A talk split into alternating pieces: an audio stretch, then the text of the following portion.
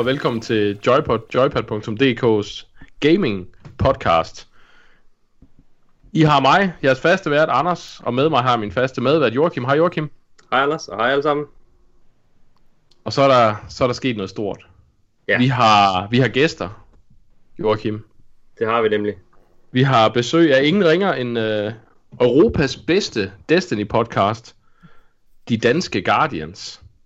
Yes. På den ene side, der har vi Hunteren, PvP-eksperten, deres, ja man skal vel næsten sige, han er, han er, han er så vild, at hvis, hvis du er med i en kamp med ham i Destiny, så ser du ham ikke. Du er død, så kan det være, at du ser ham. Mika, velkommen til. Hej, det er mig. Så god er jeg simpelthen. Jeg er simpelthen sådan super sejdin. Jeg bare flyver rundt. Sådan er det. Er det fedt. Så har vi deres historieekspert. Hvis du kigger et eller andet, et eller andet sted nede i, i de skjulte krøniker, sådan et langt skæg, og sidder med sådan nogle lange bøger og sådan noget. Det er Nikolaj. Velkommen til. Hej alle sammen. Og den sidste, deres vært. Det eneste sted, du finder ham rodende rundt, det er Microsoft undertøjsskuffe. Velkommen til, Morten. Hey bitches, hvad så mand? Ej. Gal intro. Wow, det er den bedste intro, jeg nogensinde har oplevet. Tak Anders, tusind tak fordi jeg må være her. Jamen, det er så hyggeligt, I vil være med. Vi har jo, den her udgave kommer til at handle primært om Destiny. Og derfor synes vi, det var perfekt at have jer med, for I er jo om nogen danske Destiny-eksperter. Ja. Men inden vi kommer så vidt, så har vi lige sådan et par småting. Morten, du er jo i gang med noget rigtig spændende. Uh, kan du ikke fortælle lidt om den nye serie, du er ved at lave? Åh, oh, ja, tusind tak. Altså, det er jo, det er jo sådan, hvis jeg, hvis jeg, jeg tror, hvis jeg skal have en titel, øh, så vil jeg, jeg, vil, jeg vil gerne have, at jeg er podcaster først. Og så, øh, nu... Danmarks dårligste. Nej. og så, og så, hvad hedder det, podcaster først, men så, øh, hvad hedder det, øh, har jeg et, øh, et, et dødeligt arbejde som, øh, som øh, instruktør og manuskriptforfatter. Jeg er lige kommet dertil, hvor jeg faktisk godt må endelig kalde mig filminstruktør også, fordi at jeg næste år faktisk skal lave min første spillefilm. Det glæder jeg mig rigtig meget til. Men det du fisker efter om, at høre om, det er selvfølgelig den her øh, nye tv-serie, jeg skal lave, som øh, kommer her til september, som hedder GG Horsens. Og, øh, og det er en øh, comedy-serie omkring gaming faktisk. Og den er i den grad inspireret af alle de oplevelser, og alle de mennesker, jeg har mødt i, øh, ja, i hvad kan man kalde, i min, i, i min gaming-tid øh, i Destiny. Ja, det er, det er jo derfor, jeg fisker efter det. Det passer jo perfekt til det her podcast. Ja. Og øh, hvad er sådan grundkonceptet bag serien? Åh, oh, altså, øh, øh, jeg tror, at grundkonceptet det er, at jeg godt vil lave en, øh, en, en, en serie, der klarer sig bedre end min, end min sidste. Can we top it? altså, det, det der er, det er jo... Det tror jeg bliver nemt. Det, øh, det, er, det er jo sådan, at jeg, øh, jeg har lavet en, en tv-serie tidligere. Jeg har lavet faktisk Danmarks første øh, streaming-serie sammen med Discovery Media, der hed Hedensted High. Og Hedensted High, den fik forfærdelige anmeldelser. Jeg fik én stjerne alle steder. Øh, Henrik Palle fra Politikken, han skrev, at han havde lyst til at kaste noget efter hans fjernsyn, så dårligt var det. øhm, Ej, men det er, det er heldigvis, så betyder anmeldelser jo ikke så meget, og, og når man laver komik, så, øh, så er, hvad kan man sige, så er, så er det jo sjældent, at man kan, kan please, hvad hedder det, ja, sådan nogle, øh, sådan nogle, øh, sådan nogle, nogle folk, der, der virkelig, virkelig leder efter god kunst. Øh, for det er det ikke, det jeg laver. Det er, jeg, jeg prøver at få folk til at grine, og det var der heldigvis mange, der gjorde. Vi fik faktisk øh, 1,2 millioner, øh, hvad det hedder, øh, øh, seere på, eller ikke seere, ikke seere. Vi fik 1,2 millioner øh, visninger på serien, øh, hvilket er rigtig meget for en dansk comedy-serie. Øh, og Ja, det, er det også må man sige. Det er også det, der har gjort, at jeg har fået lov til at lave en mere. Så det er fedt. Men jeg håber, den klarer sig bedre. Og øh, den handler omkring en kvindelig gamer, Julie Sangenberg. Hun kommer til at spille en, øh, en, hvad hedder det, øh, en pige, som godt vil være øh, e-sports stjerne. Og, øh, og går efter det. Det bliver rigtig godt, tror jeg. Jeg tror, det bliver spændende. Jeg hørte et, et lille interview med, med Jule og, øh, og Morten. Og det, jeg egentlig blevet mest mærke i, det er Morten, som jo efter sine i hvert fald skulle være gaming-eksperten her, det er, at han mente, at GLHF stod for Good Luck Have Fast. Og den vil jeg så bare lade stå. Morten. jeg ved, jeg, hvor jeg, jeg er ikke, jeg er ikke uh, gaming ekspert eller noget som helst. Jeg lavede faktisk, jeg sad faktisk, øh, og nu Nikolaj, øh, både Nikolaj og Mika her er jo, øh, og det håber jeg, vi kommer til at tale mere om. Det, Nikolaj og Mika har jeg mødt igennem Destiny. Og, øh, og både Nikolaj og Mika er blevet to af mine aller, aller bedste venner. Vi kendte ikke hinanden før, men, øh, men spillet ja. har simpelthen gjort os øh, meget, meget nære venner. Øhm, mm. Og det er også derfor, det altid er en fornøjelse at, øh, at optage vores ugentlige Destiny podcast. Men i dag, der lavede jeg faktisk det, jeg sad og læste højt, jeg sidder og skriver manuskript i de her dage til, til serien. Og jeg lavede faktisk det, at jeg øh, læste en scene højt for Nikolaj. Så hvis I skal have en eller anden form for fornemmelse af, om den her den bliver god, så skal I jo spørge Nikolaj. Jeg tror, at det, du, det ord, du Jeg brugte, synes, jeg synes, der er nogle guldkorn derinde. Det er der. du, du sagde, jeg tror, du brugte ordet cheesy. Ja, cheesy. Jeg, jeg, jeg er sådan lidt, det, det her det er Morten, det er Morten Urup humor, er det ikke? Det er det. Ej, men altså, Morten, til dit forsvar, så øh, de der forkortelser, det er jo lidt mere over i PC-regimet. Ja. Og det er jo altså et, øh, ja, det er, det er en lejr, du sjældent har din fod i, så Ja. ja. det, ja, det Ja, ja, synes jeg godt, vi kan. Vi Vi spiller på spiller på fingre med. Sådan er det bare. ja. Vi sluttede, Nikolaj. Nej, det vidste jeg ikke. Jo, det betyder, Nå. good, det betyder good luck, have fun. Ja, så nu ved du det. Good luck, have fun. Drenge, vi har en hel del nyheder, vi hurtigt lige skal igennem, inden vi kommer til Destiny-delen. Ja. Og øh, Må jeg, må jeg sige det- en ting forresten? Anders, Ja. det, prøv at høre, vi, vi har jo haft fornøjelsen øh, igennem vores, øh, vores Destiny-karriere, der har vi haft øh, fornøjelsen af at være, øh, være gæster i, i andre øh, programmer også her i Danmark, og, og der sker jo ofte det, vil jeg bare lige advare dig om, der sker jo ofte det, at vi overtager showet fuldstændig. Øh, hvad hedder det? Du det overtager showet, Morten. ja, Look at du er i gang lige nu. I'm the captain now. så, men jeg, hvad hedder det? Så det vil jeg bare lige berede lytterne om. Jeg vil sige, hvad, hvad, hvad, er det ikke Anders, vi plejer at høre på? Jo, det er det, men ikke i dag, mine damer og herrer. Det kommer til at gå rigtig, rigtig stærkt, fordi at nu, nu sidder DDG her. Og, øh, og jeg vil gerne allerede nu sætte øksen i bordet og lægge op til en kæmpe motherfucking debat. Fordi, kære lyttere, Se, jeg er allerede i gang. Jeg er allerede i gang med at overtage. Vi, vi har tabt den her, Anders. Vi ned nu. det, der, det der er det store problem med Morten, og det kan man høre, jeg synes, I skal høre sidste afsnit af De Danske Guardians, hvor man kan høre, at Morten har generelt et problem med at blive lidt for længe nogle steder. Øhm, det der skete der, var, at han kom til at jogge ind på hans kammerat, der var i gang med at udøve elskov med sin øh, kæreste, og Morten vælger så at blive stående og kigge. Og det er egentlig meget be- betegnende for Morten. Han kigger lidt for længe, han snakker lidt for længe. Okay, det er, det er, det er så rigtigt. Uh, det, ja, vi snakker meget mere end bare Destiny i vores podcast. Uh, men jeg vil snakker ikke men, ret meget om Destiny. 3% af Destiny. Nå, hvad hedder det? Nej, uh, det jeg lige vil sige, Anders, det er jo faktisk, at jeg lytter nemlig også rigtig, rigtig meget til jeres podcast. Og uh, vi kommer til at have en kæmpe debat i dag. Fordi i jeres Game of the Year episode, der kaldte I, at Black Armory, den øh, nyeste DLC, eller hvad man skal sige, faktisk den første DLC nogensinde til Destiny. Det kaldte I årets skuffelse. Lige præcis, Nikolaj. Det er fucking... Brænd! Nu er det, nu er det vores podcast. Det- det er fucking Ja, det, jeg vil så lige sige, det var Joachim. Jeg sagde Red Dead Redemption, men lad du det ligge. Okay. Men Det tager kom- vi senere. Det tager kommer vi senere. til. Jeg har, jeg har givet plads til det senere, Fedt, Morten. mand. Fedt. Nu skal vi lige igennem nyhederne Åh, først. ja. Nu må du lige sætte dig på din plads og slappe lidt af. Vi tager lige, øh, kære lytter, vi tager lige en pause, mens øh, Anders han, øh, siger et eller andet. Det vi skal vende det første er, uh, Mike Morheim forlader Blizzard fuldstændig her til april. Øhm, han er allerede trådt tilbage som præsident, og meningen var så, at han skulle fortsætte som øh, strategisk rådgiver. Men nej, han stopper altså helt her til april. Øhm, og det er lidt, øh, det er lidt symptomatisk for de problemer, der er i Activision og Blizzard, og derfor så springer vi egentlig lidt videre til næste nyhed med det samme, fordi det hele hænger lidt sammen. Øh, et andet problem, der er, der, der er sket, at en, det vi kommer ind på senere, det er, at Activision og Bungie er også gået fra hinanden. Så det der, og vi havde i sidste uge en af lead designerne fra Overwatch, der også er skrevet fra Blizzard. Øh, så lige nu, der har vi der har vi altså rigtig, rigtig mange, der forlader Blizzard og Activision. Øhm, og øh, hvad, Joachim, hvad, hvad tror du, der sker? Altså, hvad, hvad er problemet her? Ja, det ved jeg faktisk ikke helt. Jeg synes, det virker lidt voldsomt. Øhm, vi har jo læst nogle forskellige udtalelser fra dem, øh, som vi også skal snakke lidt om.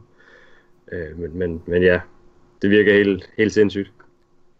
Har, Ja. I, har I set, at deres aktier også styrt dykker? Ja, altså, det er fuldstændig...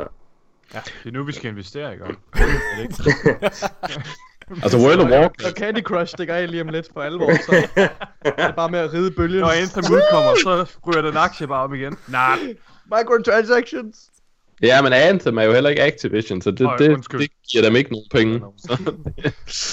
Øhm, de har ikke rigtig, altså de har, øh, de har ikke rigtig noget nyt, der kommer nu her. Ja. Øhm, en anden ting, der er sket i Blizzard at sige, fordi ja, det er jo ikke nok, at folk forlader dem. Der er åbenbart også problemer internt. Vi har en uh, Blizzard ansat, en meksikansk øh, gut, som har været ude og anklage nogle medan kolleger og så videre ledere for at have udøvet racerelateret chikane og sexisme mod ham. Øh, og det korte og det lange er, at vi skal nok øh, smide øh, øh, hans, hele hans øh, indlæg ned i øh, podcastnoterne, så I kan læse det hele, fordi det er en, det er en lang smør. Det korte og det lange er, at han anklager øh, hans, hans, øh, en af hans kolleger og senere leder øh, for at have kaldt ham nogle øh, øh, rimelig nedladende ord på spansk, øh, fordi han er meksikaner. Øhm, Blizzard har svaret og er kommet lidt med sådan et, et, et non-answer om, at de går meget ind for inklus, inklusion og så videre, øhm, men uden rigtig at komme ind på sagen. Jeg tror umiddelbart, at det er det mest fornuftige at gøre. De er nødt til, klart, de er nødt til at undersøge det her til bunds, inden de udtaler sig i den ene eller den anden retning. Øhm, men det er, uanset hvad man så mener om ham gutten her, fordi jeg, jeg har, må jeg ærlig indrømme, jeg har min tvivl. Øh, jeg synes, der er nogle, nogle kerne ting, der bliver udladt af hans statement, men, men en mand, der tydeligvis er ramt, øh, som også har fortæller, at han er, går fast til psykologer, har gjort det i de sidste mange år, øh, jamen, han har tydeligvis nogle helbredsmæssige problemer, så, så, så han kan også, altså, det kan være svært for ham at sætte det hele på papir, så historien er... Øh, lidt svær at have de store meninger om, synes jeg lige nu. Øh, selvom Men det synes Morten jeg ikke, får den er. lov- Det- får lov lige om lidt. Ja, tak. Øh, men, øh, men jeg synes, Blizzard har gjort det rigtige her, og har valgt at sige, vi er nødt til at undersøge det her til bunds, inden vi kommer med en kommentar. Og det, det er det helt rigtige valg. De kunne sagtens gå ud og øh, enten sige, at vi støtter ham, eller vi støtter vores nuværende øh, ansatte, men, men jeg synes, det er det rigtige at gøre at sige, nej, vi er nødt til at undersøge det her, og så kommer vi med et statement senere. Men Morten, hvad vil du gerne sige? Jamen prøv at høre, jeg, jeg, jeg tror jeg kommer til at tage Jeg skrev det også inde i vores, øh, i vores lille samtale. Jeg tror simpelthen jeg kommer til at have en meget meget kontroversiel holdning omkring det her. Det her det er jo en, øh, en mand som øh, Hvad hedder det Skriver et, et, et, et langt øh, indlæg Eller hvad man kan kalde det På baggrund af so, øh, Soldier 76 Som også kom ud og, øh, og rettede kritik. Var det, var det mod Blizzard også egentlig? Ja, det der er sket, det er, at øh, det var en, det er også lidt en nyhed, men, men den er så, øh, Soldier 76, som jo er en af de første karakterer, der var, der var, altså en af dem, der var med fra starten i Overwatch. Den er meget ikonisk? Ja, den ikoniske, ham og Tracer er egentlig de mest ikoniske karakterer, ja. ja. Øh, og nu er han ligeledes, ligesom Tracer, altså også homoseksuel, mm. øh, har Blizzard bekræftet. Øh, og, og det bliver jo selvfølgelig fejret, fordi det er, jo, det er jo flot, at Blizzard gør så meget igennem Overwatch for Helt at inkludere øh, minoriteter. Og ham her, han har så valgt at poste sit sure opstød, øh, hvis man kan kalde det det, i forbindelse med det her. Ja, han bliver ligesom inspireret øh, øh, til det, og, og øh, prøv at det er, grund til at jeg sagde her tidligere, at, at jeg helt sikkert kommer til at have en kontroversiel holdning i forhold til det her emne. Det er fordi, at jeg simpelthen synes, han er en klaphat. Øh, og det er så nemt, det er så nemt, når man sidder og læser det her, og man sidder og hører om en mand, som øh, har øh, haft selvmordstanker, har prøvet at begå selvmord flere gange, øh, hvad hedder det, og, øh, og beskriver et, øh, i hans optik, dårligt arbejdsmiljø. Og øh, han kommer med han kommer med formuleringer om at, øh, at han øh, møder race racis, altså han møder racisme, simpelthen øh, racediskrimination, hvad det vil sige, øh, på hans arbejde af hans øh, af hans ledere og kollegaer. Og og i sådan en situation, så er det simpelthen så nemt at hoppe på og sige, hold kæft, men hvor er det bare for dårligt, og hvor er det bare synd, øh, og Blizzard der også bare nogle røvhuller. Det er så nemt at gå imod det store firma. Nu må jeg bare sige, at øh, du var lidt inde på det, Andersen. Jeg har øh, to øh, af mine familiemedlemmer har øh, fra min tætte familie har været ramt af en øh, af voldsom øh, hvad hedder det øh, depressioner. Øh, så derfor så kender jeg altid det der med, med, med selvmordstanker og alle mulige ting. Men jeg kender altså også bare, hvordan dit mindset er. Og der er bare en anden side af den her historie. Jeg synes, det er så tydeligt i det her forløb. For det første, så handler i bund og grund, så hele det hans indlæg, det handler om, det er at tage ansvar. Og det er simpelthen noget, han ikke gør i hele det her forløb. Og jeg bliver simpelthen så vred. Jeg skrev flere gange, da jeg sad og læste, fordi det er så nemt at gå efter det store firma Blizzard. Og, og der er sikkert øh, mange hårde timer øh, for, for en arbejder øh, i det firma, helt sikkert. Men du har selv valgt det. Og han sidder, al den der racisme, som han siger, han blev udsat for, den bliver i hans, selv i hans egen forklaring, der bliver den altså leveret i humor. Og han går selv ind i humoren omkring det. Han beskriver et forløb, hvor han selv går ind og griner med på det her. Selv joker omkring hans øh, meksikanske baggrund og sådan nogle ting. Men det ikke være en coping mechanism, eller hvad? Jo, det, altså jeg tænker, jeg, det jeg læser... Jo, men alligevel må du sige fra. Altså, hvis, hvis du synes, det er ubehageligt, så skal du sige fra i en situation, hvor du føler, du bliver mobbet. Du skal ikke grine med på det. Nej, og det er lidt det samme. Altså nu, nu igen også øh, en grund til at sige, at det er lidt, uh, lidt farligt, det jeg siger. Det er fordi, nu begynder jeg at snakke lidt omkring MeToo, som jeg synes, det her det er lidt en forlængelse af. Hvor jeg, altså prøv at høre for fileren. Ja, prøv at se, Anders han gør kæmpe store øjne lige nu, fordi han siger, don't go there! Vi er hvide mænd, vi må slet ikke snakke omkring det her. Men prøv at høre, der er bare der, vi er bare i en tid lige nu, ikke også, hvor alle bare råber vagt i gevær, uden at der er behov for det. Det, det jeg siger, det er bestemt ikke, at der ikke findes forfærdelige øh, mænd ude i den her, øh, altså i, i underholdningsindustrien og i arbejdsmiljøet generelt, der udnytter deres øh, stillinger og deres, øh, hvad kan man sige, deres dominans til at, øh, at behandle kvinder dårligt. Helt sikkert. Og det skal stoppe. Ingen tvivl. Men der findes bare også rigtig, rigtig mange kvinder, og øh, folk generelt i dag, nu ham er det en mand, men der findes simpelthen bare mennesker i dag, mange mennesker i dag, som bruger den her stemning, der er i hele verden lige nu, til at gå og, i offerrollen og sige, jeg er også blevet udsat for nogle dårlige ting, uden de er det. Og de mennesker, dem skal vi simpelthen bare være bedre til at sige, nej, du er ikke et offer. Og ham her, jeg synes simpelthen, jeg, jeg brækker mig over det. Jeg brækker mig over, at, at, at vi skal sidde og, og at jeg læser så mange mennesker, der går ind og tager ham i forsvar, og bare siger, at det er også for dårlige Blizzard og i nogle røvhuller, hvor det er, at det er så tydeligt, at han ikke selv siger fra, og han går med i det her. Han sidder og snakker omkring et forløb, der var næsten tre år, nej faktisk siden 2014, hvor han har været udsat for det her for dårligt arbejdsklima, og mennesker, der, ikke, der behandler ham dårligt. Faktum er bare, at han også beskriver et forløb, hvor han går hen og bagtaler alle de mennesker, som så senere konfronterer ham eller angriber ham på den ene eller den anden måde. Altså han starter det selv. Altså er han ikke et offer. Han er selv katalysator for hans egen, øh, hvad hedder det, dårlige situation. Mm. Altså der er i hvert fald nogle ting, som... Øh, der, er nogle, der er nogle røde alarmsignaler for mig. Øh, for det første, så er det, øh, så er det at han, han først vælger at gå til HR-afdelingen som de sidste. Ja, øhm, præcis. Han går, han går, er det han går, ja. ja, han, han går til, til, til, til, til direktørerne først. Øhm, ja. og, og det, altså det, det skaber bare mere ballade, end, end nødvendigt ja. er. Altså hvis man har et problem, nu har jeg selv arbejdet på nogle ret store virksomheder, øhm, og, og hvis du har, altså det kan ikke undgås, at der opstår ting. Øh, det, det, det vil der gøre, især i en stresset hverdag. Ja. Øhm, og de arbejder, han arbejder i e-sport-afdelingen, Øh, og det er en af de afdelinger med Blizzard, der har allermest at lave. Ja. Så, så det, det øh, men så går man altså til HR-afdelingen. Nogen vil så sige, jamen hvis han virkelig var kørt helt andet, hvor, hvor han ikke vidste, hvad han skulle gøre, jamen så er det måske bare et råb om hjælp, og det kan også godt være. Den anden alarmsignal, det er det, det medie, han bruger til at sprede den her historie. Det er en, der hedder um, The Quartering på YouTube. Og The Quartering er, øh, undskyld øh, udtrykket, en, et kæmpe røvhul. Han er en, en, en lorteplet på samfundet. Øhm, han er så forfærdelig, at han er blevet permanent banet fra A Wizard of the Coast. Han var egentlig en, der dækkede Magic. Øh, det er dem, der har udgivet Magic, udgiver Magic the Gathering. Oh, okay. Han, han lavede før i tiden øh, rigtig meget content omkring Magic, øh, men han er simpelthen på banet, fordi han har, han har simpelthen kørt chikaner, og det er meget interessant, at han vælger at gå ud og fortælle en chikane-historie og bringe den når han selv har været sådan en, der han har, han har tegnet billeder øh, med hoveder på og sådan noget af forskellige andre content creators og cosplayer, hvor de, hvor de og sat deres hoveder ind over sådan nogle anal porno videoer mm. og så Wow. sendt ud i, i æderen og, og, og sendt hans, hans øh, små øh, 12-årige øh, fnatmider ud og, og hacke andre content creators. Og, og lige så snart du vælger at tage sådan en person og sige, det er dig, der skal bringe min historie, så ringer alle mine alarmklokker. Ja.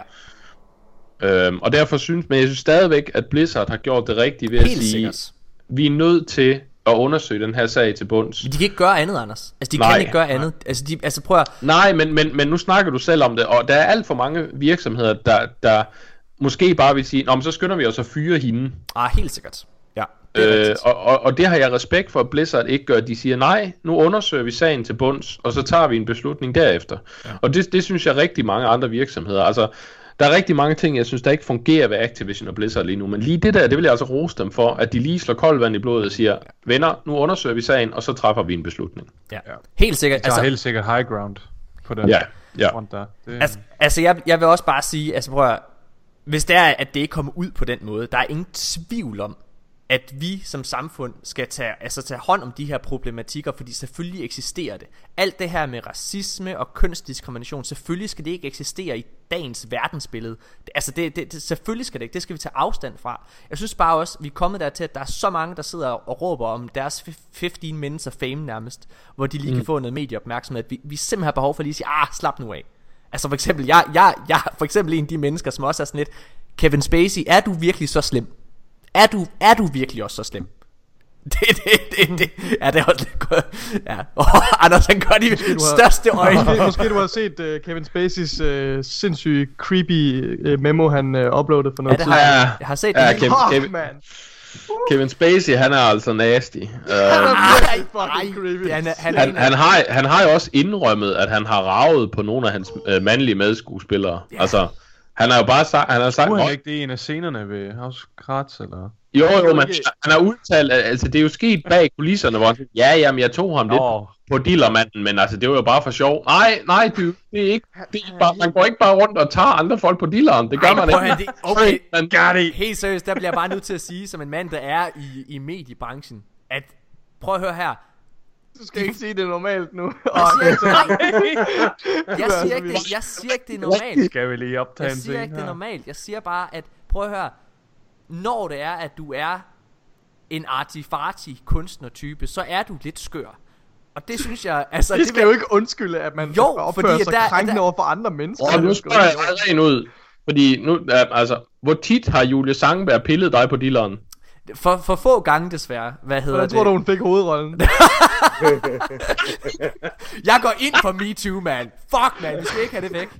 Ja, altså, jeg... Øh, nej, prøv at høre. Jeg, YouTube and YouTube and YouTube. Jeg siger bare, at i min optik, så synes jeg, at, at vi også... Altså alt, alt det, altså jeg tror det er derfor jeg tager Kevin Spacey lidt i, i forsvar. Jeg synes vi er kommet dertil hvor alting Det skal simpelthen også være så politisk korrekt. Der er ingen mennesker der må stikke bare lidt ud. Jeg synes jo for eksempel at Tom Cruise er en af de mest dygtige fede skuespillere Jeg nyder at se ham i alle film. Men prøv at høre, manden er jo skingrende sindssyg Han er Øh, øh, øh, øh, øh, øh. Jo, jo, men der er forskel på, om du er lidt tosset, og du sidder og stiger ind i en væg i 40 timer og siger bagefter, det havde jeg det egentlig dejligt med, end om du går hen, og så ligger der ned og laver bollebevægelser på en 14-årig dreng. Der er en rimelig... Ja. Prøv at Der er ikke, der er ikke forskel. Morten, Morten, der findes ikke noget erhverv, der, der undskylder den slags opførsel. Ej, det er der at bare høre, ikke. jeg, jeg, Det er ikke engang, ikke engang erhverv Men jeg, jeg, jeg er ret sikker på at selv Altså Eller alle passion, mennesker eller hobby. alle mennesker, der har været i været fulde, har sgu da gjort nogle mærkelige ting. Jeg tror engang, prøv, ja. jeg har engang, jeg har engang sat en død fugl op i min røv, fordi jeg var fuld. Altså.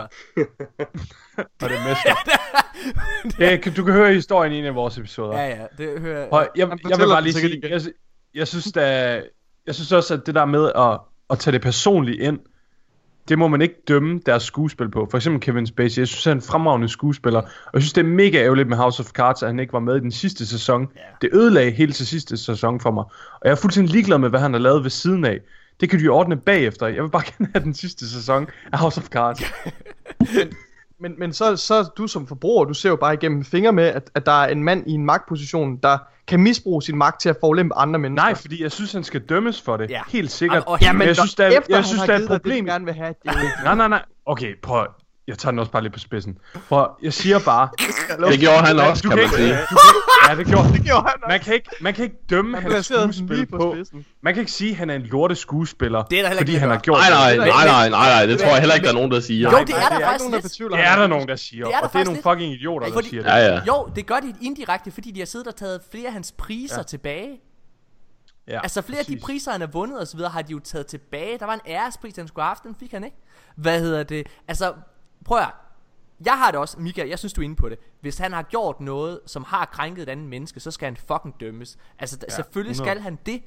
Det er ikke det, jeg siger. Men jeg synes også bare, at folk er også bare mega hurtige til at anklage folk. Og jeg synes, ja, helt seriøst, jeg, jeg, jeg er ret sikker på, at jeg kunne også have fundet på, at have, hvis jeg var fuld og rejet en eller anden på en dealer. Det tror jeg sgu også. Og det ved jeg flere, altså flere inden for mediebranchen kunne finde på. Altså, ja, sorry to say, men sådan det er... mig og Nikolaj til vores julefrokost? ja. Fra- okay, Nej, det gjorde det. vi er en det gaming... det. Det er en Morten, ga- vi skal have en HR-afdeling i de danske Guardians. Jeg har eddermame arbejdsrelaterede krænkelser, jeg gerne vil melde. Ellers så går jeg direkte til ledelsen. Nå nej, det er jo dig, der sidder i Det er mig, der er fucking ledelsen. Kom endelig og brok Morten, han er HR. Undskyld, prøv at det, det er gaming podcast, Anders. Nu er vi, vi er ikke politisk. Nej, nej, nej, nej, nej. Øh, men øh, ja, I hørte det her. Pil lige bare. Morten Urup skal nok Det forsvare var ikke det, jeg sagde! Det var ikke det, jeg sagde! Det var ikke det, jeg sagde! Ej, men helt seriøst. Prøv at, jeg, jeg synes faktisk, jeg, jeg så øh, stand-up-komiker Anders Mattesen udtale sig i et eller andet, jeg kan ikke huske, hvad fanden det var, men der snakkede han også omkring noget af det her med, øh, at det simpelthen, alt skal være simpelthen så politisk korrekt, og der er ingen mennesker, der må stikke ud. Og jeg synes virkelig, at det er rigtigt, for jeg synes, at alt glans i personligheder. Altså det er det samme, prøv at, jeg synes det er det samme, det er lidt en, det, det, det, en, det er en ekstra tendens ud for det der med, at alle folk skal have fucking en, en, en eller anden form for diagnose. Altså hvis, øh, hvis folk de snakker lidt for hurtigt, eller øh, hvad det er, er, skiller sig lidt ud i klasselokalet, så skal de fandme have damp eller et eller andet pisse, også? Og folk de har angst, og jeg ved ikke hvad. Ikke at folk ikke kan have det, det er ikke det jeg siger, men der er bare kommet en tendens i samfundet til, at alle skal have en eller anden fucking diagnose, hvis de stikker lidt ja. ud. Og det er lidt det samme her. Jeg synes, at det her MeToo, som er berettiget på mange punkter, er bare stukket lidt for meget af nogle gange. Det er det eneste, jeg siger. Må jeg lige have en sidste kommentar også? Jeg synes, øh, jeg synes problemet også med MeToo, det er, at det kan være svært at snakke om. Ja. Altså bare det, at vi snakker om det nu, det, er, det labeler nærmest os som om, at vi går ind for det. Ja, ja. Altså, og, og det synes jeg er et kæmpe problem. Ej, jeg er ret sikker på, sådan... jeg er ret sikker på, at der er ret mange lytter, der så stadigvæk sidder og hæfter. Ej, har han puttet en fugl op i røven? Var det det, han sagde? Ja, jeg, jeg tror, jeg tror, at de fleste, de stoppede der. Ja, men du, du var jo fuld. ja, jeg Det skal var lige huske. mega fuld. Jeg var mega fuld. Der er, der er så mange Google-søgninger lige nu. Morten Urup. Pipfugl. Fugl i numsen. den der fugl, den er bare gået hjem til sin redde. Me ret- too. Altså, jeg er ret sikker på, at, at den der, øh, den der øh, fuglefugl, Overlevede den.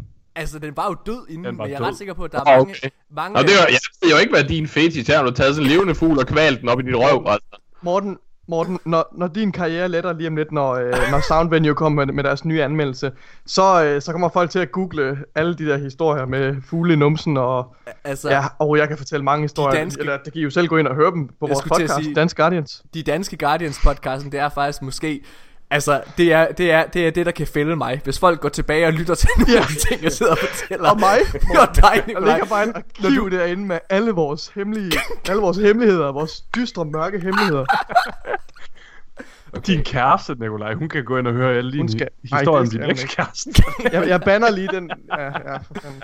Anders, hvad skal vi snakke om? Nu vi snakker om uh, MeToo, så, uh, så er der faktisk en uh, ret kendt console modder, der hedder CDG som er blevet banet fra Games Done Quick efter anklager om sexual harassment. Mm. Uh, og uh, det der er sket her, ja, men ham kender man kun, hvis man er... Speedrunner. øh, Ja, han, har lavet, han, har lavet de, han har lavet de der overlays, de bruger. Okay, ja. Men det er Øh. ret populært på Twitch, ikke? Det Jo, det er det. Jo, det er det. Ja. Øhm, og de har et ret stort event lige nu. Øhm, et årligt event. Og der er han altså blevet banet efter han. og han har så, han har så valgt, øhm, som den, øh, som, som den øh, undertrykte hvide dreng han er, øh, at poste de her samtaler, han havde med den her pige, som har anklaget ham. Mm. Øh, Det. og det han, altså det der så sker, det er, at han tilbyder hende, øh, og i, ja, han tilbyder hende at betale for hendes flybilletter og så videre til showet, hvis hun vil bo på hans værelse. Bare bo, ikke? Jo, jo. Og der siger han, og du skal ikke, altså jeg vil ikke noget, det er ikke det. Men han. Men altså, det udvikler sig jo sådan en samtale åbenbart. Øh, jeg kan godt mærke, at jeg er blevet for gammel, men altså det her, det udvikler sig øh, til, at de snakker om at ligge og putte, og det ender så ud i noget, at de snakker om bondage og så videre. Så det er fantastisk. Altså, jeg elsker, jeg elsker millennials. Altså, der, der, det er simpelthen, es- eskalation er, det, det går fra 0 til 100 på, på 4 sekunder. Nå, men det der så sker, det er, at han bliver ved med at fortælle, jamen, jamen altså, jeg er glad for det der bondage, men du skal ikke føle dig presset. Det der så sker, det er, hun er så, så naiv, at hun vælger at sige, Nå, det er fint, jeg tager med. Øhm, og, øh, og de kommer så til at bo på værelset, og det der så sker, det er, at øh, han siger, at hun øh, lægger hans hånd på hendes øh, brystparti, og så sker der et eller andet, skriver han. Og det er det, jeg hæfter mig ved. Han skriver, og så skete der nogle ting, og så pludselig ville hun ikke mere, og så smed jeg hende ud. Ja. Det beskriver sådan set min hver lørdag, når jeg kommer hjem fra rej. og det, jo jo, men du smider hende vel ikke ud af lejligheden? Altså, Nej, Altså nej, jeg, det smider mig øh, ud. jeg vil sige, jeg synes, det, jeg vil sige, jeg synes, det er en god strategi. Øhm, altså den måde, jeg har fået mig en, en kæreste nu på, øh, på 8 år, det var faktisk at spørge, om hun ikke ville flytte ind her. Øhm, og så, øh, ja, så hun, så er, hun bor jo nede i kælderen, ikke? Så, altså, jeg ved ikke, jeg er ikke... Prøv at høre, det er en joke, den er dårlig, og jeg, jeg, jeg tager den tilbage. jeg, jeg, jeg, jeg, Kan du ikke? Morten, Det er Morten, det er okay. Det er okay. Jeg Du er, blevet, jeg- du er blevet far, Ja, så det- må man godt. jeg, lavede, jeg lavede en joke, der fejlede fuldstændig. Normalt i vores Ja, ja, podcast, det der, klipper vi det lidt. ud. Der klipper vi det ud. Det, jeg tror aldrig, vi har klippet Men det gør vi ikke her. Nå, det, det, er for, det her det er et mærkeligt format, ikke også? For det er, at det bare kører, der er ingen pause eller noget som helst.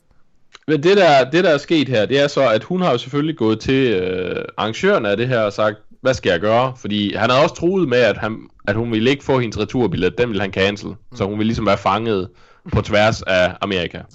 Så det er bare bondage og no plane. Ja, åbenbart. Øh, og, og de vælger så at bane ham, øh, for de har også set de her meddelelser. Øh, og idioten, han vælger så, og det siger jeg, altså her tager jeg virkelig stilling, det må jeg sige, han vælger så at dele de her samtaler med hende, og vise hendes billede og hendes fulde navn på Twitter. Og så siger han, kan I, ikke for, kan I ikke forstå, at, øh, at, at, at jeg har det dårligt? Hvorfor? Hvad sker? Hjælp mig, folkens. Og det, der er mest skræmmende, det er så mængden af, af, af små, øh, øh, øh, tykke, hvide øh, mænd. Sjovt nok, sådan nogle, alle sammen sådan nogle, der tydeligvis bor i mors kælder, som er inde, ej, det er også forfærdeligt. Man kan ikke bare love sex, og så ikke holde det. Og nu er jeg simpelthen nødt til at lave et public service announcement. Folkens, selv hvis han eller hun siger, jeg vil gerne, men midt i akten endda, selv når du er allermest klar, siger, hej, hej, du er, de der hundelyde, du laver, det er jeg ikke okay med, jeg vil ikke mere. Brød fanger! Så er det altså okay, så må man godt sige stop. Mig og min kæreste, vi har et, øh, et økonomisystem i vores forhold, der hedder bestemmerdage. Øh, Hvad hedder det, der hedder bestemmerdage. Og øh, hvis, hvis man aftaler noget, og man ikke gør det, så koster det øh, en bestemmerdag.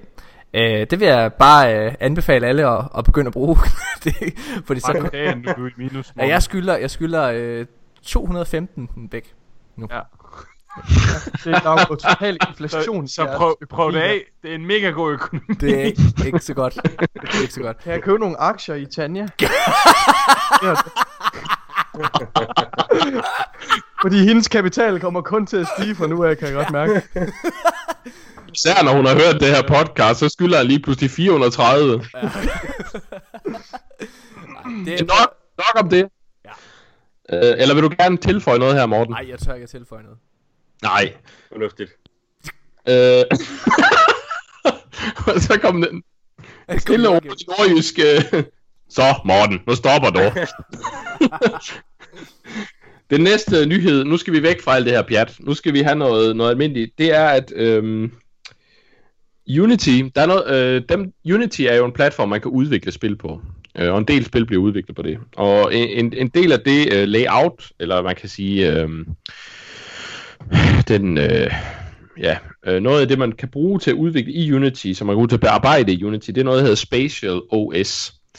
Det, der er sket, det er, at Unity arbejder ikke sammen med øh, Improbable, som laver Spatial OS, mere. Øh, og øh, det udnyttede Epic så til at lave en aftale med Improbable, og så skyndte sig at gå ud og fortælle, at jamen alle jer, som har det her, vi skal nok samle jer op. Øh, det skal så lige, det er i øvrigt rigtig fint af Epic, at de gør det. Altså Epic er meget fremme i skoene for tiden. Uh, de var også hurtige til at retweet, da Destiny gik fra Activision, om de ikke manglede en ny launcher. Men, de har også vanvittige mængder penge jo.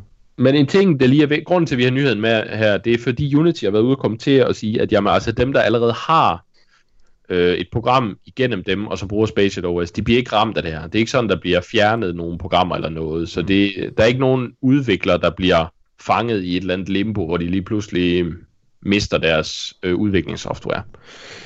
Så det var egentlig det eneste her. Øh, en anden ting, det er så, at øh, på Epic Store, nu vi er ved det lige nu, øh, Edith Finch-spillet, det, øh, det kan man få gratis. Øh, sidste uge var det Super Meat Boy, nu er det altså Edith Finch, og det er et, et, et, et rigtig interessant spil, hvis man gerne vil have sådan et lidt mørk og øh, historiedrevet spil. Mm. Jamen, så tag, øh, hvis jeg har en PC, og så tag og installer Epic Launcher. Der er de næste par måneder, kommer der hver 14. dag gratis spil. Øh, så det kan man jo lige så godt gøre brug af. Øh, det næste er, at Amazon etablerer deres egen streaming-platform. Øh, og det er ikke en Netflix-streaming eller den slags, det er simpelthen spil-streaming. Øh, vi har allerede PlayStation Now, som vi godt ikke rigtig kan bruge i Danmark endnu. Øh, og så har øh, Microsoft også på vej med noget. Ideen med det er, at man simpelthen streamer spillet fra deres server. Det gør også, at man ikke er afhængig af hardware i fremtiden. Og det er ingen tvivl om, at det er fremtiden. Det vil sige, at vi kan have nogle meget svagere konsoller, som kan køre nogle meget stærkere spil. Og det vil sige, at man skal ikke hele tiden ud og investere i en ny konsol. Det er faktisk noget af det, som, hvis jeg lige må tilføje til dig, Anders, ja. øh, beklager. Det er faktisk noget af det, som, øh, som Xbox og Microsoft i den grad sidder og satser på. Øh, så når Phil ja. Spencer, som er lederen af Xbox, øh, han, øh, han udtaler sig omkring øh, de næste generationer af konsoller, så, det, så siger han, at fremtiden, det er her, det er. Det er på streaming.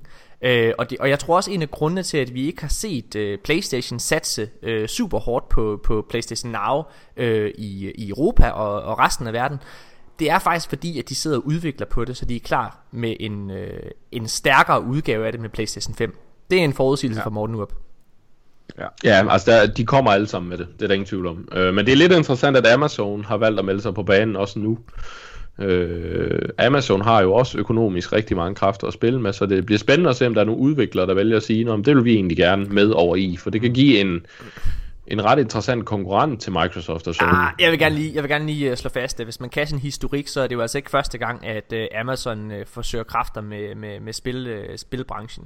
Faktisk så uh, prøvede de at lave deres egen lille konsol her for et par år siden, og den gik altså ikke super godt. Uh, Nej, ja. og det er, derf- det er derfor, jeg tror, at det her har en Hvad bedre chance.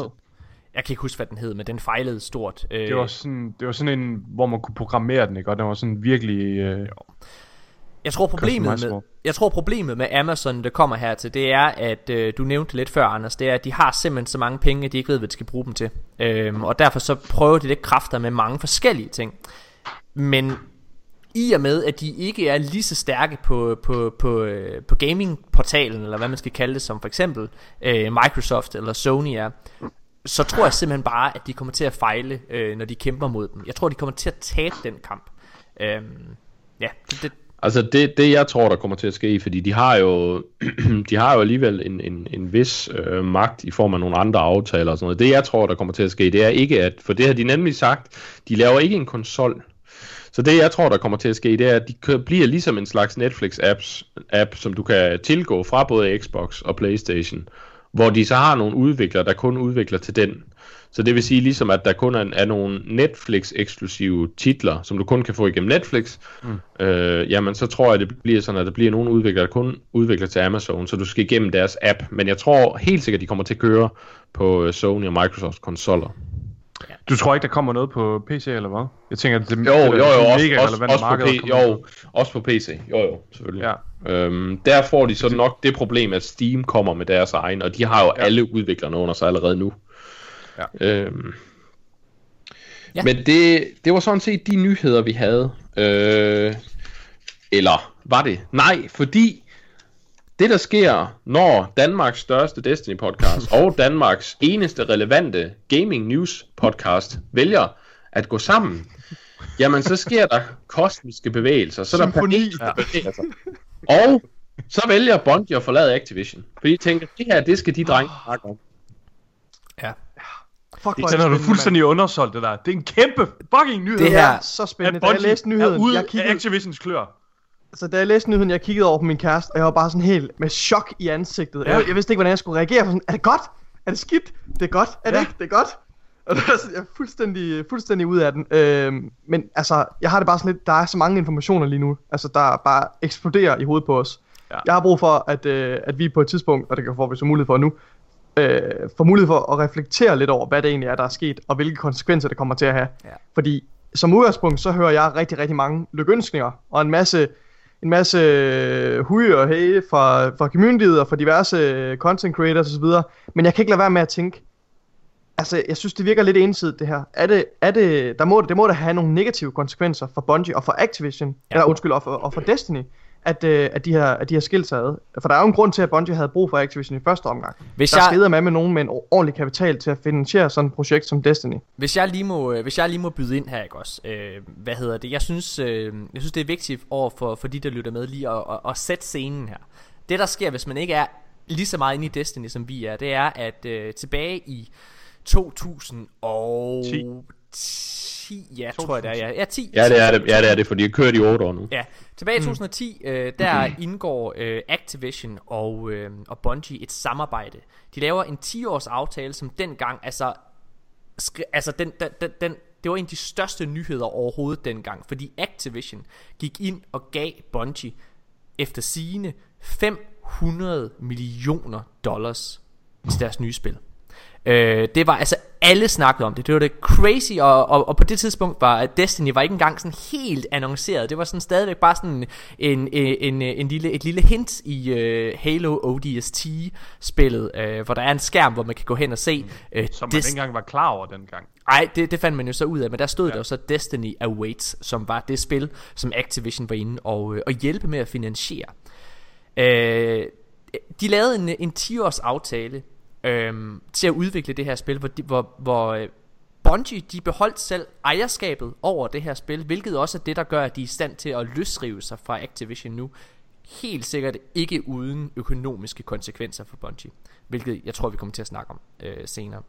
Øhm, men, de, men Activision går simpelthen ind og smider alle deres penge, hele deres marketingsapparat ind, og hjælper dem med at få det her spil søsat, øh, og giver dem mange meget efter Activision. Øh, jeg, jeg synes heller ikke, at Activision kunne have været godt for Bungie.